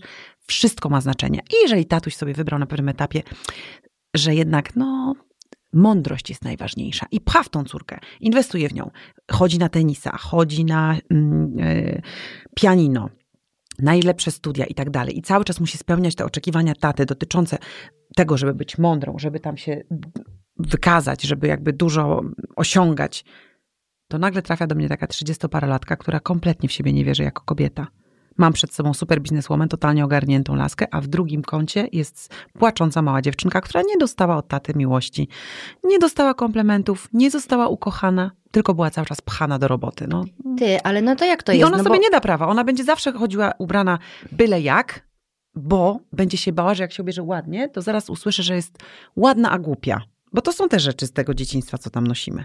Ładna i głupia. A Ja też, y, poczekaj, ja też miałam takie y, przeświadczenie długo, że jak się będę kobieco ubierać, to będzie oznaczało, że jestem trochę głupsza, bo się skupiam na wyglądzie, a nie na tym, co mam do powiedzenia na przykład. Długo z tym walczyłam, też mi terapia pomogła, ale myślę sobie, no bo mówimy też o tym, żeby, y, że, że to się też często wywodzi z tego, jak zostałyśmy wychowane, czyli że dziewczynka właśnie miała być ładna i schludna i miała się jakoś tam zachowywać, a chłopcy mogli szaleć, brudzić się i testować życie, nie? No No to jest- gdzie, gdzie, jak, to, jak to połączyć, żeby to wyszedł, wyszła ta dobra rzecz? No bo mówi, że tata musi komplementować dziecko, czyli skupiać się jednak na wyglądzie. Wiesz co, nie to, że komplementować dziecko tylko. Chodzi o to, żeby, dos- żeby każdy obszar został zaopiekowany. My, jakby ten problem i ten błąd, który się tam wydarzał, był taki, że albo się to. gdzieś koncentrowałaś na Mhm. jednym. Chodzi o to, żeby z całego wachlarza, bo my jesteśmy wszyscy zbudowani jakby i z miłości, i z potrzeb, i z tego, że chcemy się rozwijać, i z tego, że chcemy się stawać coraz lepsi i tak dalej. Jakby każdy z nas ma dużo. Nie można pakować wszystkiego w jeden obszar. Znaczy można, no i robią to i wtedy właśnie wychodzą ludzie z deficytami i mamy, wszyscy jesteśmy z domów dysfunkcyjnych, bo nagle się okazuje, że po prostu nie dostaliśmy do wszystkich koszyczków, tylko do jednego albo do dwóch, a dwa są puste. No i co teraz? I dziura i, i zapełniamy bez sensu, szukając miłości tam, gdzie jej A nie ma. przecież rodzice robili wszystko. A przecież robili wszystko i my też robimy wszystko i powiem ci więcej, jest duża szansa, że nasze dzieci też wylądują na terapiach, bo kurczę, nikt nie jest teraz super mądry. I naprawdę było błędem twierdzenie, że wiemy wszystko i zjadłyśmy wszystkie rozumy. Uczymy się, jesteśmy w procesie. No, to się kurde, nie kończy. my się uczymy do końca życia, przecież my się zmieniamy też. Słuchaj, ale to, co powiedziałaś, czyli ja to nazywam podwójne standardy w wychowaniu. Nie wiem, jak to jest teraz, bo akurat pewnie dobrze byłoby to zobaczyć, jeżeli miałabym synkę, syna i córkę i jeszcze w dodatku była mało świadoma, to bym sobie obserwowała, jak to działa. Ale mam tylko syna. Natomiast w czasach, kiedy ja się wychowałam i ty, chłopców wychowało się w ten sposób. Synku, baw się dobrze. Córeczko, uważaj na siebie. Mhm. Dwa, naprawdę, wystarczy to. Już cała reszta typu bądź grzeczna, nie wychylaj się, a ty to Ale się musisz to, wyszumieć. Wystarczą te dwa, czyli baw się dobrze, uważaj na siebie. To uważaj na siebie już wzięło się stąd, że jesteśmy wnuczkami wojennych dziadków. To dziadkowie wojenni mówili uważaj na siebie. Oni naprawdę musieli uważać, bo oni naprawdę wychodząc z domu mogli dostać kulkę w łeb. Naprawdę mogło się im coś bardzo przykrego stać. Dziewczyny nie mogły za bardzo się stroić, bo mogły zostać zgwałcone. Taka jest prawda, takie były czasy. Ale już córki tych babci, czyli nasze matki, już tego nie miały, ale za kotarką, podprogowo, Mhm. dostały traumy, dziedziczą traumy swoich prababci, swoich babci, a my dziedziczymy resztę. Więc jakby temat jest bardzo szeroki, ale prawda jest taka i kończy się na tym, że my już nie musimy do końca uważać. My wychodząc z domu też możemy się dobrze bawić. My też możemy być odważne. My też możemy chcieć się wyszumieć, ale z racji samych tych, wiesz, jakby kulturowo-społecznych i też jakby geopolitycznych uwarunkowań Mhm. jesteśmy tak wychowywane. I nikt naszym matkom nie powiedział, ej, zaraz, ale dlaczego mówisz jej uważaj na siebie? Ona tego by, jakby się zapytała w tamtych czasach, to ona by nie wiedziała, że robi coś Bo źle, albo w tak. ogóle nie widziałaby, że No tu jest tak. jakiś temat. No bo tak zostałam wychowana. No i teraz my, te grzeczne dziewczynki, całe życie co próbujemy zrobić? Zdjąć te kajdanki, zacząć się budować, uwierzyć w to, że jesteśmy jakieś i to jest okej, jakie jesteśmy. Nie musimy być od linijki, jak wszyscy. I te laski do mnie trafiają, co to chcą być od linijki. A ja im mówię, no nie. Jak chcesz być od linijki, no to tu masz linijkę, tu masz długopis, narysuj. A jak chcesz być swoja, no to musisz się odważyć na to, żeby tam pogrzebać. To, jest, to wymaga odwagi. Już tak samo jak pójście na prawdziwą terapię wymaga odwagi, tak samo przyjście do mnie wymaga odwagi. Tam jest i płacz, i, i po prostu nerwy, i stresy, i, i dygot jest też. Mhm. I bywa bardzo ciężko. Bywa bardzo ciężko, mimo tego, że my nie dotykamy żadnych poważnych takich głębszych rzeczy. Jak ja tam dotknę paluszkiem i widzę, że jest temat, to natychmiast dziewczyna zostaje skierowana dalej, bo ja z nią nie mogę pracować. Nie dam rady. Musi być jednak. Trochę jest tak, że dziewczyny, które do mnie tra- trafiają, 95% z nich jest po terapii. Pierwszej Okej. już, już coś dotknęły, już wiedzą, że coś ich No gniecie. wiedzą, że chcą dla siebie jakiejś zmiany, nie? I, już, I chcą świadomie już tam dążyć do tego. Tak. Mm. A, jeszcze a propos em, przyjmowania komplementów i komplementowania. Pamiętasz, rozmawiałyśmy kiedyś o tym, e, jak robiłyśmy ten live, e, że wszystko się skupia, jest kultura obsesji piękna, nie? że po prostu generalnie wszyscy komentują piękno albo jego brak. I mówię o, na przykład o mediach, mówię o tych rubryczkach w gazetach, gdzie stylistki tak. komentują ubiór. No mhm. teraz były tam niedawno Oscary, więc też po prostu następnego dnia wszystko się, no Will Smith trochę to zaburzył, ten, ten, ten zwyczaj, że rozmawiałoby się tylko o tym, jak która wyglądała, nie? Tak, tak. Ale to jest takie kulturowo utarte, że my po prostu że każdy ma prawo oceniać wygląd. Ja się też z tym często spotykam, że ktoś mi na przykład coś napisze, i komentuje na przykład mój wygląd. Ja mówię, bardzo dziękuję za pani opinię. No, widzę, że uraziłam, no ale pani jest osobą publiczną, więc się musi pani liczyć z tym, że będzie pani e, oceniana. E, tak? A dlaczego? Dlaczego ja muszę się liczyć z tym, że ja będę oceniana? Dlaczego my mamy taką łatwość w tym, że możemy sobie każdego oceniać, nie? A w dobie internetu to już w ogóle. No już, to jest akurat bardzo prosta droga do naszego dzieciństwa, gdzie nasze ciotki, babcie, niepytane wujkowie komentowali Dalej nasz wygląd. Robią. to jest dokładnie to. Nikt nas nie pytał, o zdanie, czy chcemy coś usłyszeć, tak. a przychodzą goście i jest ojejku, jak wyrosłaś, albo Ale o, jak ci się przytyło, tak, o, jak schudłaś, a jaka jesteś taka, a taka, a taka, o, jaka ładna dziewczynka, wiesz, i stoją na przykład dwie siostry. I tam się buduje w sekundę ten temat, który jest potem niesiony przez 20 lat do momentu, kiedy trafi na terapię albo do mnie. Jedna dziewczynka słyszy, o jaka śliczna dziewczynka, a potem o ty jaka mądra, albo oj, widzę, że urosłaś. No kurczę, i to no, mhm. Albo porówno, albo wcale, no. Albo po prostu najlepiej zamknąć japę, bo uważam, I powiedzieć, że to... hej, miło cię zobaczyć. Dokładnie. I co u ciebie, i co słychać, i, i co tam w ogóle, czym się teraz interesujesz, a nie co w szkole oczywiście. No właśnie. I e, stamtąd się to już wzięło. My jesteśmy, ja nie wiem, szczerze powiedziawszy, nie wiem jak jest, jak jest e, w innych krajach, bo ja naprawdę jestem bardzo skupiona na tym, co mamy w Polsce, bo tu jest naprawdę orka na ugorze, jest co robić i mi się wydaje jednak, że Stamtąd się to wzięło. I najgorsze jest to, że kobiety robią to kobietom i nie kumają, co robią. One nie wiedzą, że tak nie powinno się robić. Albo może nie, nie powinno. Boże, nienawidzę tego słowa. One nie kumają tego, nie że niepytane. Tak one nie kumają tego, że niepytane nie muszą, nie muszą. mówić, no co właśnie. czują. O wiele ważniejsze jest to, że my po prostu myślimy pewne rzeczy, ale ich nie mówimy. I dla mnie w pracy z klientkami jest cholernie ważne, żeby je nauczyć, żeby zaczęły mówić do ludzi komplementy. Mają autentycznie takie zadania. Te, które szczególnie mają problem z przyjmowaniem komplementów, z patrzeniem na siebie. Mam klientki, które potrafią, siedząc u fryzjera, nie być w stanie spojrzeć sobie w oczy w lustrze. Rozumiesz, czują się tak zażenowane tym, że patrzą na siebie. Są takie przypadki. Już ja mam takie przypadki. Ja, ja, myślę, ja teraz zrobiłam duże oczy, bo tego nie widać. ja na ten temat mogłabym, myślę, napisać książkę i pewnie kiedyś to zrobię, na temat tego, co w nas siedzi, bo myślę, że jest mnóstwo kobiet, kurczę. które by się odnalazły w tym, pomyślały sobie, aha, okej, okay, dobra, to już wiem, skąd to mam. I to mogłoby być jakieś tam odkrywcze. Natomiast ta dziewczyna, która do mnie napisała, pozdrawiam serdecznie, będzie wiedziała kto, o kim mówię, bo to było dosłownie wczoraj, że ona powiedziała, wiesz co, kurczę, ja, tego, ja powinnam częściej mówić ludziom komplementy. Ja mówię, no właśnie. I ona wtedy powiedziała, ale wiesz co, chyba jest dla, dlatego, że ja sama nie do końca wiem, jak się zachować, kiedy ktoś mówi mi komplement. No więc to jest jeden do jeden. I ja, a ja kocham, ja chodzę po mieście i wynajduję takie starsze facetki najlepiej. Jezu, ja też kocham starsze kocham, facetki, ja które im po prostu ja od też. razu, to ma pani piękne. O Boże, mhm. pani pięknie. Słuchaj, ja oksytocyna, wzrusz a natychmiast w sekundę. Też. A ona w ogóle, Jezu, dziękuję. Boże. I wiesz, co najczęściej się dzieje? One nie mówią dziękuję i odchodzą. One mnie łapią za rękę i mówią, proszę pani, bo ja sobie to kupiłam wiele lat temu, ja pani opowiem. Posłuchaj, to jest taki hit. Kocham to. Ja już nie jeden raz stanęłam w jakiejś kolejce, stojąc, wiesz, tam w jakichś sklepach często stoję mm -hmm. w mhm. kolejkach, łapię tam te starsze panie i nagle się okazuje, że my już dawno kolejkę przeszłyśmy, a ona mi nadal opowiada. I ja jej opowiadam. I jakaś moja babcia mi się przypomina i coś tam to buduje relacje w ogóle. Boże, ja mhm. jestem, powiem ci naprawdę, ja tak tęsknię za bliskością i za relacjami z obcymi ludźmi, na serio, bo wbiłyśmy się w tym covidzie na serio w takie siedzenie za szybą. I jak ja już tylko zaczęłam wychodzić, jak już, to, nie wiem, po, po, takim pół roku pierwszym zaczęłam wychodzić, zaczęłam dostrzegać to, że my jesteśmy bardzo samotni. Mhm. I to mówienie komplementów przez szybę też nie działa. Chodzi o to, żeby spojrzeć komuś w oczy. To buduje w sekundę relacje. Tylko to się stało teraz jeszcze trudniejsze, nie?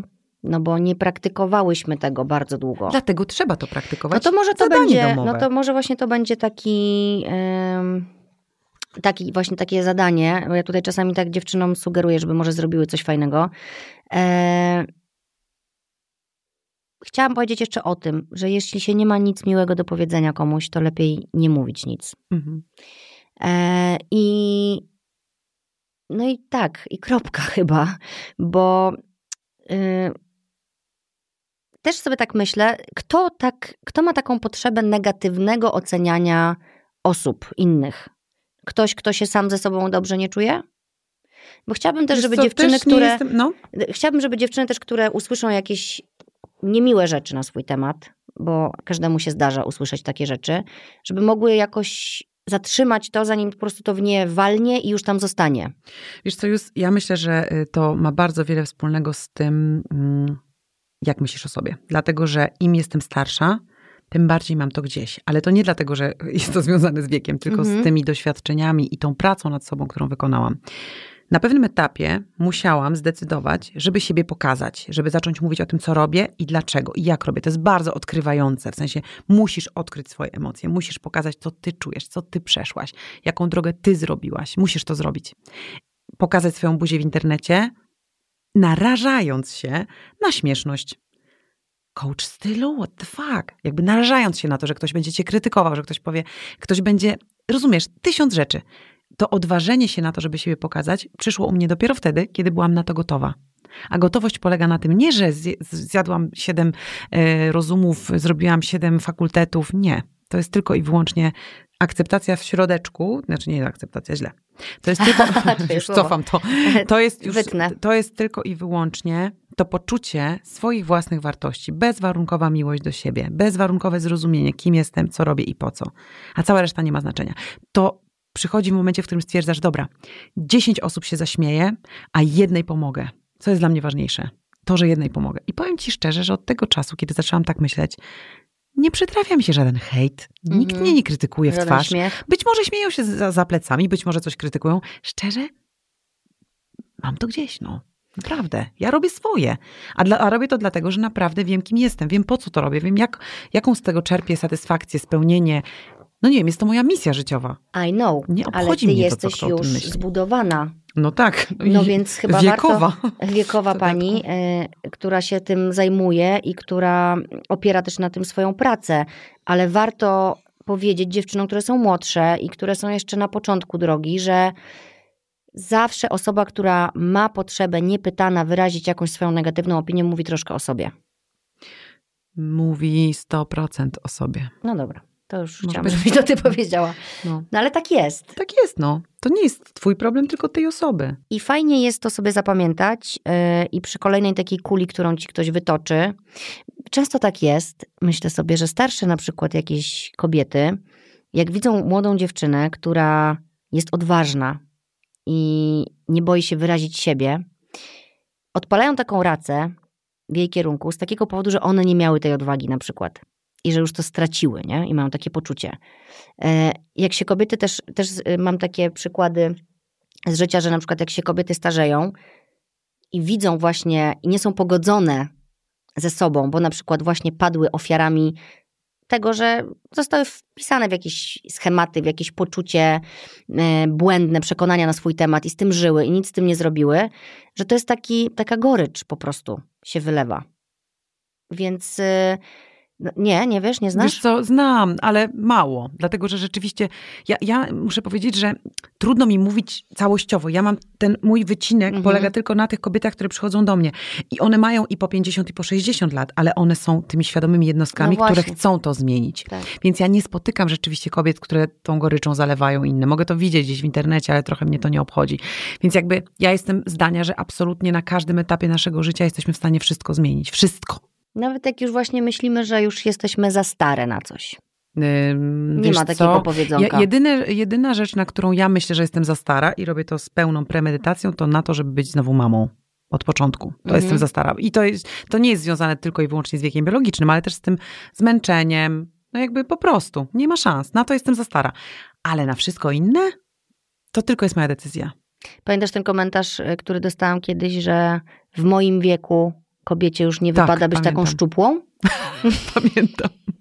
To było właśnie To wtedy, było jak robiłyśmy live'em. ten Mhm. live, tak. y, A to, I to było w momencie, kiedy czułam się świetnie ze swoim ciałem, bo odzyskałam moją figurę e, popo, przedporodową, a Mhm. było to po porodzie i to już było tak z, po, rok po porodzie. Mhm. A nawet byłam szczuplejsza, bo miałam już troje dzieci, trzy razy więcej obowiązków, mało snu i mało czasu na to, żeby y, dobrze się odżywiać. I, ale czułam się dobrze ze sobą.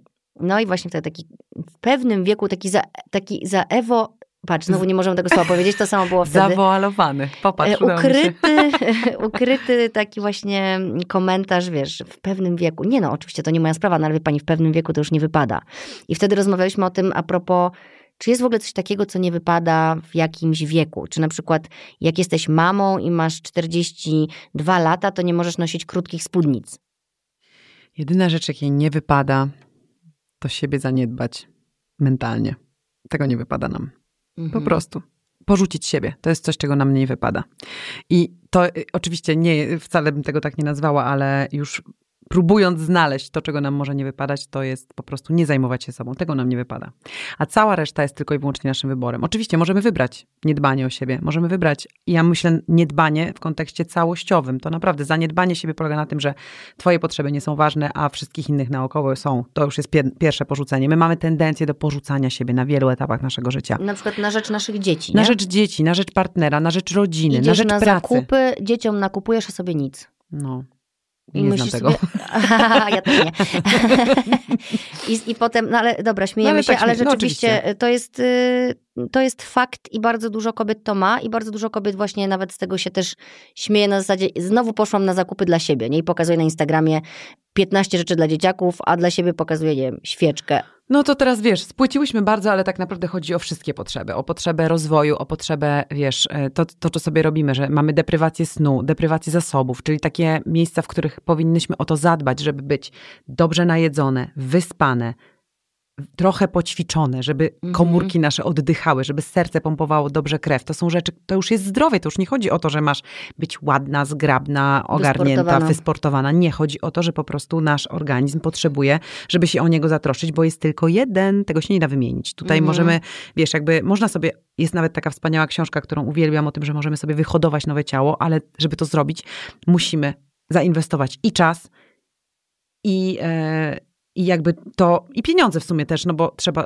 tak gotować, żeby odżywiać nasze komórki, odżywiać je, Mhm. a nie żeby po prostu wrzucać w siebie byle co. No bo wtedy i badania lecą, a jak badania lecą, to się źle czujesz, a jak się źle czujesz, to nie masz siły, a jak nie masz siły, to jesteś sfrustrowana. No jakby to porzucenie na tylu etapach może jesteś się zadziać. frustrowana, to nie umiesz ubrać się ładnie. Tysiąc rzeczy już, tysiąc rzeczy. Więc jakby wypada nam już do- wszystkiego. Wracając do pytania, do wypada nam absolutnie wszystko. Jesteśmy, możemy chodzić ubrane tak, jak chcemy, o ile to jest dokładnie w linii z tym, co czuje nasze serce, jeżeli to jest nasze, jeżeli jest odzwierciedleniem naszej osobowości, jeżeli jest odzwierciedleniem naszego dnia, nastroju, wszystkiego. Po prostu możemy robić, co chcemy. Jeżeli kobieta e, po 60 ma ochotę założyć mini spódniczkę, co mnie to obchodzi? Co to obchodzi kogoś innego? I wiesz co, to jest temat dotyczący, mam wrażenie, chyba tylko Polski. Bo jak pojedziesz Mhm. gdziekolwiek i patrzysz na tych ludzi, którzy są tak kolorowi, a dla mnie, nie byłam nigdy w Nowym Jorku, ale obserwuję niesamowite konto na Instagramie. Jak ja patrzę na tych ludzi, to serio, ja się wzruszam, bo to jest tak nieprawdopodobna wyobraźnia i taki po- poziom, E, wywalenia. taki poziom wywalenia na wszystko, co, co, co jakby dla nas tutaj jest nie, naprawdę niemożliwe. Że, Wypada ci. że ja, że ja sobie, ja sobie myślę, że naprawdę tak chcę żyć. Ja chcę tak żyć. Ja chcę być otoczona ludźmi, którzy robią co chcą, którzy myślą co chcą, mówią co chcą, żyją jak chcą. A nie Mhm. cały czas pchani jesteśmy do tych szuflad. Tak nie wolno, to nie wypada, tu musimy tak. I cały czas wiesz, i wszyscy nas tylko i wyłącznie próbują na, ograniczać. I oczywiście pewnie dotyczy to też mężczyzn, nie przeczę, ale ja pracuję z kobietami, to jest moje poletko. Nie, mój podcast też jest dla kobiet właściwie. Więc tak sobie tu dzisiaj rozmawiamy o tym. Słuchaj, ktoś nas dzisiaj słucha i sobie myśli, no trochę było dużo dygresji dziewczyny, przepraszam. No, to jest tak, jak przyjaciółki rozmawiają. Trochę byłyście dzisiaj na takiej kawie z nami e, i, i, podsu- i podsłuchiwałyście naszą rozmowę.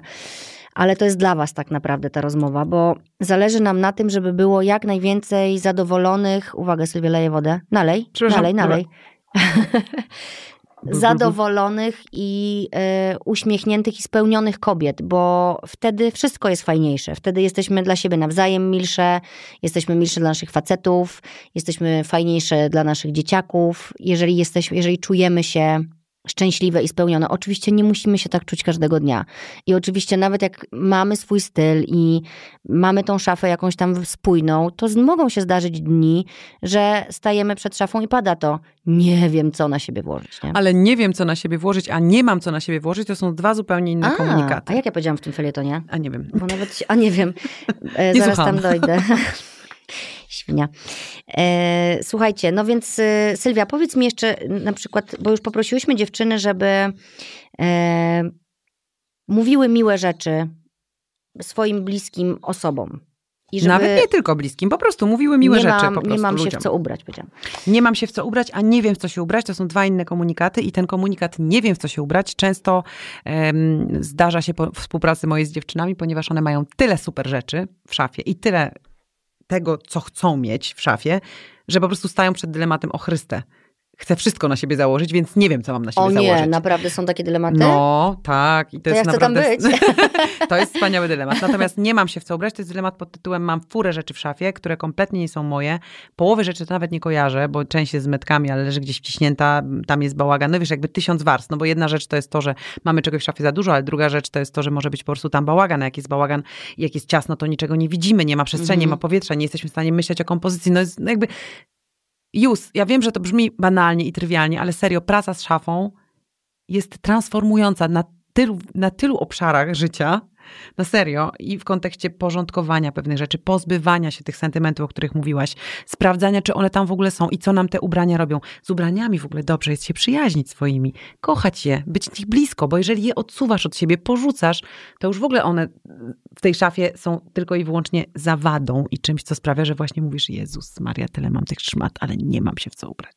Ja nie wiem, dlaczego ja jeszcze z tobą nie, nie przeszłam tego Ja nie procesu. chciałam tutaj tego mówić, ale po prostu, znaczy pro, próbowałaś to zrobić, właśnie, próbowałaś to, próbujesz to zrobić od kilku lat, o tak ci powiem. No, tak, ale w ogóle cały czas jak rozmawiamy dzisiaj, to widzę te różowe spodnie, słuchaj, bo naprawdę one tak wiszą Ja przy jestem wejściu. pewna, że następna nasza kolacja i będziesz w tych spodniach. Ale muszę to, znaczy muszę, chcę to zrobić, bo te spodnie są naprawdę spoko. Po prostu wiosna była wtedy, jak je kupowałam w ten dzień, No, a teraz się już jej nie ma. Tak, dokładnie. Słuchajcie, w ogóle to tak, prosimy o ograniczanie negatywnych komunikatów Do w siebie. ogóle. W ogóle do narracja. siebie, do si- siebie, siebie, siebie samej tak. i siebie nawzajem. Tak, i w, i, i w eter. I w ogóle pilnowanie tego, co, o czym myślimy. Słowa mają moc. ogromną. Nawet te niewypowiedziane, te O, myśli. Tak, myśli mają ogromną moc, ponieważ my jesteśmy jednak ze sobą w środeczku cały czas. Mhm. Nie wychodzimy ze wszystkim na zewnątrz, więc jeżeli myślimy o sobie bardzo źle, a mówimy dobrze, no to no nie, to, to nie będzie działało. Jak to zrobić? No widzę, kurde, że... Łapiesz się, łapiesz się za słówka. Tak jak łapiesz faceta, który coś powiedział, co ci się nie podoba, to go łapiesz za słówka, tak łapiesz siebie. Pomyślisz coś, co nie, jest nie po tej linii, czyli jest negatywne, wyłapuj to. Ja e, jakby są, jest kilka, kilka patentów. Ten najprostszy, który jest pierwszym, który polega na tym, żeby w ogóle to złapać, polega na tym, że masz notesik, w którym wynotowujesz wszystkie te złe myśli. Na razie tylko je wynotowujesz, nic więcej. Nie musisz ich jeszcze transformować, nie musisz z nimi nic robić, po prostu zacznij je łapać. Po takich dwóch tygodniach zapisywania zobaczysz, co się dzieje w twojej główce. Mhm. Samo to, że będziesz to łapać, sprawi, że zaczniesz zwracać na to uwagę. Więc już będzie takie trochę łapanie się. y, Znasz takie powiedzenie, że ugryzłam się w język. Mhm. Zaczniesz się gryźć w wewnętrzny język mózgu, Mhm. ponieważ nagle zaczniesz zauważać, Jezus Maria, tego jest naprawdę dużo. No więc jakby to jest pierwszy etap. Dwa tygodnie, trzy tygodnie, ile tam ci potrzeba, spisuj, spisuj. I Myślę, że tydzień styka. Tydzień, czasami trzy dni. W każdym razie, później to, co się robi, bierze się ten notes i przetransformowuje się pisemnie każdą z tych myśli. Na pozytywną. No dobra, mam gruby tyłek. Możesz sobie przetransformować taką myśl, że mm, masz bujną pupę, którą e, lubisz ubierać tak, żeby podkreślić jej najlepsze nie Atuty. Wiem, atut, albo żeby podkreślić swój atut, albo żeby, kurczę, mam tyłek jak Kim Kardashian. Przecież Kim Kardashian jest najbardziej popularną laską na świecie. No to cze, czego tu się czepiać? No, tysiąc rzeczy tam, rozumiesz? Chodzi o to, co dla ciebie jest ważne. Ty akurat Mhm. nie masz dużej dupy, no, No to dobra, nie mogę no z tobą to- o tym porozmawiać. No, co, ale ja Duża dupa jest siebie, świetna. muszę coś ja też nie mam dużego tyłka i zawsze miałam tak, kurde, muszę nosić większe spodnie, Mam bo chcę mieć większy tyłek. tyłek. nie tak, to tak. Posłuchaj, ale to nie jest negatywne już, to jest tylko stwierdzenie faktu. Musisz No coś widzisz, innego ale powiedzieć. też to powiedz. Nie, to, bo, bo, bo, na pewne przykład- rzeczy typu, jakby stwierdzasz jakiś fakt, że Jezu, mam za mały tyłek, no to to jest trochę fakt. To jest tak na zasadzie, no Boże, no mam i tyle. No tu musisz sobie tylko w tym momencie tylko uświadomić, że to jest neutralne, a poza tym za mały dla kogo? No rozumiesz, za mały dla kogo? No właśnie, ja mam a za szerokie duży, a plecy, za mały, a ko- za- dla wiesz, kogo? ja mam za szerokie plecy. Ja sobie zdałam sprawę z tego dopiero chyba rok temu, że zawsze mówiłam, kurde, mam za szerokie plecy, więc ja sobie tutaj tak ogarnę to, to, to. Ja, wie, ja wiem, jak mam to zrobić, Mhm. żeby e, proporcje zachować. Ale nagle zorientowałam się zaraz. A Ale kto- dla kogo ja mam za szerokie te plecy, przepraszam? Czy ktoś jest, kto to mówi? W ogóle nie, to jest tylko ja. No to, No. to dla kogo? To znaczy, ej, kurde, właściwie mam super plecy. To jest transformacja. Okej. Czyli dla kogo za mały ten tyłek? Dla kogo za małe te cycki? Dla kogo za cienkie te włosy? Dla kogo? Mhm. Dla mnie. No to jak dla mnie, no to jak, to co by tu zrobić z tym coś? Nie. Po co? Albo jak chcesz zrobić, no to możesz coś zrobić. A jak nie chcesz nic zrobić, to po prostu transformujesz myślenie, czyli kurde, ten mój wąski tyłek to właściwie jest genialny, bo ja mogę nosić co chcę. Mhm. Rozumiesz? No Jakby Tak. szukanie takiej, wiesz, jakby pozytywnej warstwy, ale takiej prawdziwej pozytywnej, nie takiej sztucznej, bo najgorzej z tym sztucznym. To musi być prawdziwe, musisz to znaleźć w sobie. I to jest trudne, to transformowanie. Reframing tak zwane. To jest Mhm. trudne. Ale jak to zrobisz i to wszystkie, wszystkie te myśli, które wypisałaś sobie złe, przetransformujesz, to o wiele trudniej będzie ci później je formułować w głowie. Bo już twój umysł będzie mówił, e, e, e, wcale tak nie jest, przecież już to napisałaś. E, e. Ten krytyk wewnętrzny trochę się przymknie. No wiesz, praca z krytykiem wewnętrznym to jest w ogóle na osobny I Podcast. never ending story. Bo wystarczy czasem, że nam trochę spadnie e, życiodajna energia i on No. od razu wjeżdża, nie? Oczywiście są różne momenty przecież. Kurczę, no zaliczamy kryzysy. Nie jesteśmy w permanentnym stanie szczęścia. Przecież to by było wykańczające. Potrzebujemy czasem się wyciszyć, potrzebujemy się zatrzymać. Czasami mamy gorszy moment po to, żeby zaraz był lepszy. No jakby rozwój na tym polega, że najlepiej byłoby usiąść w oknie i patrzeć, co wpadnie. No bo walka z nastrojem, walka z tym, że jest ci gorzej, walka z tym, że nagle coś się dzieje na świecie i nie masz na to wpływu, więc musisz się z tym ułożyć, znaleźć Mhm. na to swoją, swój sposób. I idziesz dalej. Oczywiście możesz tam się zapaść i tak czasami się zdarza. Więc, y, ale my nie o tym mówimy, tylko mówimy bardziej o tym, że po prostu ta uważność na siebie sprawia, że jesteś w stanie kontrolować, głupie słowo, ale kontrolować trochę to, w jakim jesteś teraz momencie. Sprawdzasz, czy ja teraz tak się czuję, dlatego że się po prostu w cholerę nie wyspałam, Mhm. A wiesz o tym, że deprywacja snu jest najgorszą rzeczą i tak naprawdę najtrudniejszym, to, najtrudniejszą torturą, więc dobra, idź się wyśpi, rano pomyśl o tym jeszcze raz. Mhm. Kocham to stwierdzenie, pomyśl o tym jutro. Tak. Scarlett O'Hara. Kocham, kocham. to, bo naprawdę jest tak, Mega że... pomaga. Mega. Po prostu A rano się czasami jutro. okazuje, że już nie ma o czym myśleć. Dokładnie. Więc jakby czasami to jest deprywacja snu, czasami to jest po prostu deprywacja zasobów, czyli tego właśnie, że jesteś nie, nie, nienakarmiona, niewyspana, niezadbana, nie, niewypoczęta. Chwilę sobie daj, pomyślisz o tym później. Problemy, które mamy w dniu, kiedy coś się dzieje, wydają się o wiele większe, poważniejsze niż trzy dni później. Więc chwila. Z dystansem do siebie też warto czasami podejść. I takim bardzo rodzicielskim, na zasadzie hej, Sylka, wiesz jak jest. Przecież jesteś taka, taka i taka. Umiesz zrobić to, to i to. Damy sobie radę. Teraz chodź, przytul się, dam ci zabawkę.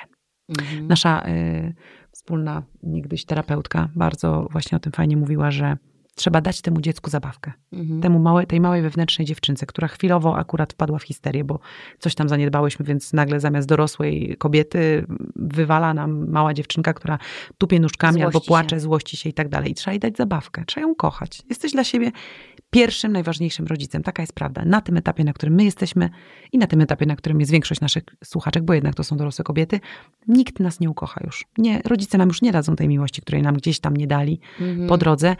Partner nam nie da tej miłości, bo to nie ta miłość jest. Nie. My musimy sobie dać to same. Czyli jeżeli jesteś już gdzieś rodzicem, umiesz być rodzicem dla swojego pieska, a umiemy być rodzicami dla swoich zwierzątek, dla swoich dzieci. Jeżeli to umiesz zrobić, to znaczy, że umiesz być rodzicem dla siebie. To odwróć się teraz do lusterka i daj sobie dokładnie to, co dałabyś w tym momencie swojemu rozhisterowanemu dziecku, synkowi, córeczce. Jak widzisz, co ona robi, to wiesz, co zrobić. Wiesz, jak ją uspokoić. Nie, chyba, że wyjdziesz, trzaśniesz drzwiami, drzwiami, no to to jest to, co mogłabyś zrobić najgorszego dla siebie. Czyli Tak. wychodzisz, trzaskasz drzwiami i mówisz, mam cię gdzieś, po prostu ogarnij się sama. Nie. To dziecko wewnętrzne trzeba uspokoić, powiedzieć, hej, dzisiaj jest tak, dzisiaj se posiedź w tym dresie, jest ci wygodnie, zjedz coś pysznego. Masz, od, masz ochotę zjeść całą blachę tiramisu. Jedz całą blachę tiramisu. Po prostu bądź dla siebie kochana, wyrozumiała, bądź rodzicem, a następnego dnia wypoczęta, zaczynasz z nową energią.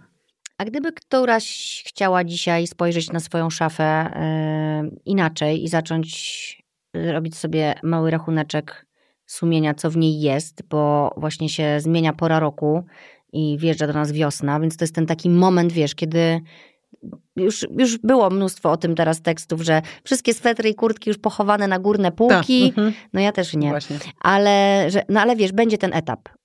No mam nadzieję, że jak będziemy puszczać ten odcinek za trzy dni, to już będzie ten etap. Oczekuję tego. No to, no to wiesz, bo, bo, bo teraz będzie rzeczywiście etap y, przemiany trochę szafy, nie? No to jest, jest kilka patentów, które można sobie zrobić samemu, e, żeby sprawdzić tak naprawdę Bo całą... chcę dziewczyny dzisiaj, wiesz, które już się znudziły naszą rozmową, zostawić z jakimś zadaniem, żeby coś z No tego to na przykład słuchaj, wyciągnęły. zadań już mają kilka. Po pierwsze to zadanie wyłapywania swoich negatywnych myśli, bo to jest bardzo ciekawe. Większość kobiet sobie nie zdaje sprawy z tego, ile do siebie złych rzeczy gada. To jest pierwsza Mhm. rzecz. Druga rzecz, jeśli chodzi o samą szafę. Bardzo świetne ćwiczenie, które niestety jest długoterminowe, czyli mm, nie efektów i skutków tego pierwszego ćwiczenia nie, Nie zobaczysz jutro. takich, ale poczekaj, ono jest teraz. świetne. Chodzi o to, żeby wszystkie rzeczy zimowe naprawdę schować. Nie to, że schować i je widzieć. Nie Do kartonu. schować do kartonu, opisać zima i wynieść gdzieś tak, żeby nie było tego widać przez całe pół roku. Uwielbiam to robić. I słuchaj, i Potem to jest wyciągasz wszystko nowe masz. po pierwsze, wyciągasz wszystko nowe, to jest jedna rzecz, ale wtedy dopiero widzisz, co chcesz nosić. I Mm, część nagle się musisz to okazuje, powiesić kurde, znowu, ale nie? zaraz, w ogóle to... To o to chodzi? Tak, że masz tak, wieszasz to a, i myślisz sobie, o wow, o wow, tego nie pamiętałam, o to fajne coś tam, bo mamy sklerozę w tych Mhm. tematach, ale druga rzecz jest taka, że wyciągasz stamtąd rzeczy, których nagle okazuje się, że i poprzedniej zimy, i jeszcze poprzedniej nie nosiłaś. I zapomniałaś o tym No w tym albo lata, negatywnym no bo teraz sensie. będziemy wyciągać te lżejsze rzeczy, nie? Dobra, no to, no to pierwsze zadanie Tak. zima, schować i pomyśleć o tym za Mhm. pół roku. Już na etapie chowania Na- można troszeczkę... Myślę, że to jeszcze nie jest ten dystans. Nie, nie będziesz, myślę, że nie będzie tego dystansu No jeszcze. ale można coś odłożyć. Co się tej zimy już nie, nie założyło, to do innego kartonu na przykład Można, włożyć. tej- Jak już nie chcesz tak. oddać, to wsadź do tego kartonu rzadko noszone. Można, można i wtedy na to jeszcze inaczej patrzysz, albo po prostu ja dziewczynom, które mają problemy z tym, żeby się pozbywać rzeczy z szafy, a są takie, to mówię schowaj, te, które ja uważam, że trzeba już wyjąć, bo, no bo wiele, wiele, wiele powodów, to mówię, dobra, schowaj do kartonu na miesiąc. I za miesiąc, najpierw zanim otworzysz karton, wylistuj mi wszystko, co tam schowałaś. I okazuje się, że Za tydzień w ogóle 70% to już Nie nie, pamiętam. Mhm. Więc to znaczy, że już nie ma tam o czym gadać. No ale dobra, to jest też jedno z zadań. To też można zrobić sobie na miesiąc. Jeżeli czujecie, że macie problem z tym, że właśnie się z czymś chcecie rozstać, a nie do końca jeszcze wam pozwala na to wewnętrzne jakieś przekonanie dotyczące tego, że nie wiem, wydałyście na to kasę czy cokolwiek. Jest dużo w ogóle tutaj takich fajnych elementów, bo ja mówię, hej, wydałaś na to kasę, ale kiedy? Dawno? Dawno. No to zobacz, ile to nosiłaś? Długo. Super. No Amortyzowało się. Amortyzacja, dokładnie. Drugie. Lubię to słowo. Ja też, w kontekście szafy uwielbiam. E, natomiast druga rzecz, to tak samo działa, jak sobie kupujesz coś drogiego, nowego. I Mhm. ja mówię, słuchaj, chcesz to, te, bardzo ci się podobają te buty, podoba ci się ta torebka? Super, po pierwsze. Ale ona jest za droga, ale coś tam. Mówię, okej, rozumiem, ale teraz pomyśl o tym w ten sposób. Będziesz ją nosić codziennie? Tak. Jak długo? 10 lat, 15? Jeszcze w dodatku ktoś może po tobie to y, przejąć później. To co to się, co to się nazywa? To się nazywa najlepsza z amortyzacji. Amortyzacja, Jak no. kupisz sobie 10 beznadziejnych rzeczy, Dokładnie, kiepskiej jakości, to dokładnie. będziesz musiała je wyrzucić po drodze, a, A szkoda nie będziesz planety. wiedziała, co z nimi robić potem i będziesz się Dokładnie. trzymać, no bo przecież nie wyrzucisz. No. A komu oddać już takie nie No. za fajne? Więc ja jednak idę w jakość. No i teraz dobra, wracając do tej szafy i do tego chowania. Po pierwsze rzeczy, którymi trudno ci się rozstać, jeżeli chcesz zrobić teraz czystkę, e, to chowasz do kartonu i za miesiąc listujesz sobie, co tam jest. Jestem pewna, że połowy nie będziesz pamiętała. Druga rzecz, No i czyli co wtedy? chowanie jak, zima. jak No jak tym- nie będziesz pamiętała, no to już jesteś odłączona emocjami. No. Odłączasz emocje, potem otwierasz ten karton i masz tak, kurde, nie pamiętałam, nie chodzę w tym już od tak dawna.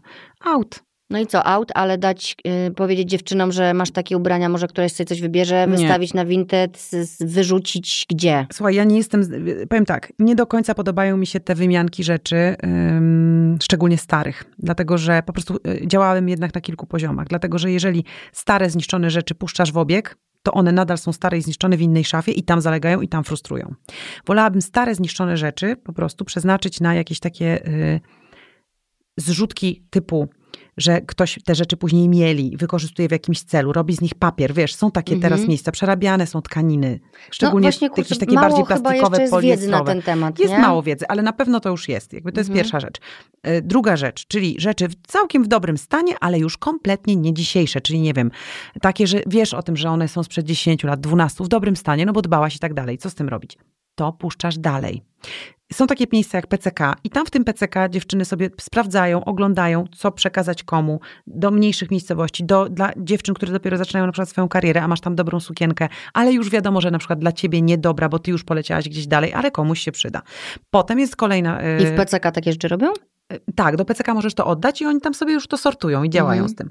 Możesz oczywiście zawsze wrzucić do tego kontenera na ubrania, ja, tych, ja nie przepadam za tym, bo ja nigdy nie wiem, co tam się z tym dzieje. Natomiast jest jeszcze y, kolejna warstwa, czyli pierwsza warstwa totalne ściurane szmaty. Druga, ja czasami z tego robię w ogóle ściereczki, jeżeli to jest bawełna na przykład mhm. zniszczona, to ja sobie robię z tego ściereczki. Jeżeli to są poliestrowe rzeczy, to, to staram się szukać takich miejsc, które potrafią prze, przeformatowywać y, y, tkaniny w jakieś y, nowe rzeczy, no, tak, jak robi to, tak jak robią to sieciówki. Oddawać można przede wszystkim, pamiętacie o tym, że w sieciówkach typu H&M, nie wiem, and other stories możesz przynieść rzeczy i, i po prostu je wrzucić tam. Dostajesz 10% zniżki, czy tak tam cokolwiek. Z nie? Tak, i możesz to robić, więc jakby to jest zawsze bezpiecznie, bo oni z tymi ubraniami już wiedzą, co robić, oni już przetwarzają je. je. Mhm. E, ale to, to, jest pierwsza warstwa, czyli z tymi użytymi rzeczami. Później takie rzeczy, które są w dobrym stanie, ale trochę starsze, oddawać do PCK, oddawać do domu samotnej matki, być może tam ktoś z tego skorzysta, ale też trzeba to robić bardzo świadomie i uważać, to nie jest takie proste. Trzecia warstwa to jest to, gdzie jest, e, że możesz to puścić po prostu dalej, bo jest to, kupiłaś drogo, jest fajne, nie pasuje do ciebie, jakby nic z tym nie jesteś w stanie no, już zrobić. z metką. Wiszą z metkami rzeczy i tak dalej. Vinted, tak? Tam, tak. nie wiem, Vinted, inne platformy, teraz tego jest dużo, pojawiła się nowa platforma, ta skandynawska, jest jakby tego sporo, nawet na Zalando możesz rzucać rzeczy używane, więc jakby pchać to dalej, cały czas to wypychać. I oczywiście są też rzeczy, które są po prostu bardzo ładne i podobają się naszym przyjaciółkom, ale nie wciskając im na wymiankach. Tylko jeżeli wiesz, że twoja przyjaciółka lubi te rzeczy, podobały jej się, zaproś ją i powiedz, hej, wiesz co, bo chciałam się tego pozbyć, co myślisz, podoba ci się? Bez chamstwa. Nie, nie na zasadzie wciskania, tylko podoba ci się i ona powie, o Jezu, dziękuję, tak, zawsze to chciałam od ciebie wziąć. No ja tak robię cały czas. Ja mam, ja prostu, mam trochę twoich ja, rzeczy. Ty masz moich trochę rzeczy. Ja mam to moją, moją kochaną Aneczkę, która po prostu co trzy miesiące mnie ma u siebie w szafie, bo ja mówię, ej, posłuchaj, bo ja bym do ciebie wpadła, bo um, zrobił mi się taki deficyt. A ona, Boże, dobra. I ja po prostu wjeżdżam jej do szafy i wyciągam te rzeczy, ale tylko pytam, a to chodzisz w tym, a w tym chodzisz? Nie, teraz nie. No i zabieram. Wiesz, mijają dwa miesiące, wracam z tym do niej. My sobie po prostu pożyczamy mhm. rzeczy. Czasami one wracają do niej, czasami nie wracają. Jakieś rzeczy o, od niej, ode mnie do niej poszły i też nie wróciły. I jakby nie ma to znaczenia. Ja mam poczucie, że jest świeżość w szafie, że się coś kręci, a jednocześnie nie jest to tak, że ciągle coś kupuję. Wydajesz, wydajesz, wydajesz, upychasz, upychasz, upychasz, otwierasz szafę, nie, nie mam co. Nie, nie mam się w co nie mam, nie mam się w co No, więc jakby te szafowe takie, wiesz, podstawowe rzeczy takiego dzielenia się, dzielenia w ogóle tych rzeczy przede wszystkim na różne kubki. Kubka śmieci, no niestety, mhm. śmieci, szmatki. Kubka do oddania PCK, kubka na Vinted, kubka dla przyjaciółek fajne, nie? Ja się strasznie cieszę, jak moje klientki, które mają w szafach naprawdę marki z najwyższej półki, ale z metkami, bo po prostu miały gdzieś tam inny mindset, z taką radością oddają te rzeczy swoim przyjaciółkom. One są przeszczęśliwe. No wiesz, jakby to jest znowu, znowu się wyzwalają te wspaniałe endorfiny, oksytocyny, że jakby mamy coś nowego, ale niekoniecznie musiałyśmy się tutaj z czymś mierzyć, nie? Ty masz mhm. poczucie, dobra, zrobiłam fajną rzecz, bo oddałam jej to, co jej się podobało. Ona ma poczucie super, bo moja przyjaciółka mi coś dała i to jest takie miłe, a jednocześnie ja to chciałam i to jest takie fajne. Kurczę, no otwórzmy się po prostu. mnie? bo widzę, że to już zmierza. Wiesz chyba wpadnę do ciebie. nie, no musisz do mnie wpaść, słuchaj, e, no musimy naprawdę to zrobić, no. Tylko ja się cały czas boję, że to trzeba czasu, trzeba czegoś, ale... Nie, już to, to trzeba To jest chyba godziny. jakiś mój po prostu wewnętrzny, wiesz, e, stres, Opór że ty mi tam jeszcze. wpadniesz i mi po prostu wszystko zabierzesz. E, albo powiesz, że to jest. Chociaż nie, dobra, już kokietuję teraz trochę. Chcę to zrobić, bo, y, bo ten mój styl się przetransformował, jak sama też zauważyłaś, a dużo nostalgii tam jeszcze zalega. Wiem. No, takiej, że właściwie. I tak myślę, dużo że zrobiłaś już. Może ubiorę. A, y, założę, ubiorę, Boże, ciągle nie wiem, jak się mówi po polsku, słuchaj, to jest jedyny mój, no może nie jedyny, już nie taka... Wydaje mi się, że teraz obydwie opcje są dopuszczalne, ale jednak założę. Założę. Słuchajcie, zakładam, że dosłuchałyście tej rozmowy do końca. No niestety mogłybyśmy tak pewnie godzinami, bo ten temat jest naprawdę dosyć szeroki mimo wszystko, mimo to, że trochę zaniedbywany i uważany przez niektórych za a, pff, w tych czasach w ogóle, w to co się dzieje, co ja się będę tutaj nad szafą swoją zastanawiać. Tylko w tej szafie jest całe samopoczucie. No właśnie i o tym chciałyśmy dzisiaj powiedzieć właściwie, że ten styl, o którym mówimy, y, zaczyna się od nas i o, dlaczego warto szukać własnego stylu? Bo poprawia humor na co dzień, bo nie masz tego y, wiecznej rozterki, że nie czujesz spójności, Tak czy nie? Tak, Bo wpływa na samoocenę, tak, bardzo. bo dodaje pewności siebie, Tak. bo daje świadomość i akceptację zarówno słabych, jak i mocnych stron. Wiesz co, jest bardziej, jest bardziej wynikiem, jest jakby, jest bardziej, nie daje nam świadomość, tylko on już wynika z tej świadomości. Czyli jest tak jakby jeden do jeden. Osoba, która ma swój styl, po prostu jest już świadoma tego, czego potrzebuje, co jest dla niej ważne i też wysyła ten komunikat w świat. Dla mnie to jest najważniejsze, Mhm. ten komunikat, że dziewczyny myślą, nie dziewczyny, w ogóle ludzie myślą, że y, pierwsze wrażenie nie ma żadnego znaczenia. Ma O, ogromne, ile, ogromne Ile sekund znaczenie. nas oceniają ludzie? Siedem. Siedem. 7 w 11 kategoriach. Więc jeżeli mamy 7 sekund i to, a, a tym narzędziem są, jest coś tak miłego jak ubranie, coś tak pięknego, ciepłego, miłego jak ubranie, które zakładamy na siebie codziennie już, czasami kilka razy, to jeżeli wiemy, że mamy takie narzędzie i te 7 sekund i możemy z tym zrobić co chcemy i decydujemy się mieć to gdzieś całkowicie, no to to jest nasz komunikat do świata. Komunikujemy, że to mamy gdzieś, że na tym się nie zastanawiamy. Jeżeli chcemy taki komunikat wysyłać, super, ale zastanówmy się nad tym, Mhm. jaki ten komunikat chcemy wysyłać. O czym my chcemy mówić sobą, No tak. zanim otworzymy buzię. No, tylko właśnie i tu znowu zataczamy koło, żeby mówić o sobie, trzeba się ze sobą skontaktować, skomunikować i przede wszystkim dowiedzieć, co jest mną i kim ja jestem i, I co ja w ogóle chcę i mówić? co ja chcę mówić. A ostatni punkt to, że własny styl pozwala wyróżnić się z tłumu, do czego też bardzo zachęcamy i doceniania to, że jesteśmy różne, inne i każda z nas może być piękna, jak sobie tego życzy. Każda z nas jest wyjątkowa, bo tylko jedna i niepowtarzalna, więc głupio by było trochę tego nie wykorzystać i się tak pod linijeczkę po prostu klonować. No. Wsadzić. Dziękujemy Wam bardzo, że dotrwałyście do końca tej rozmowy. Ściskamy Was serdecznie i powiedzcie dzisiaj coś miłego pierwszej osobie, którą napotkacie po przesłuchaniu tego podcastu. Super pomysł, dziękuję bardzo. Już. Dziękuję Ci bardzo. Pa, pa.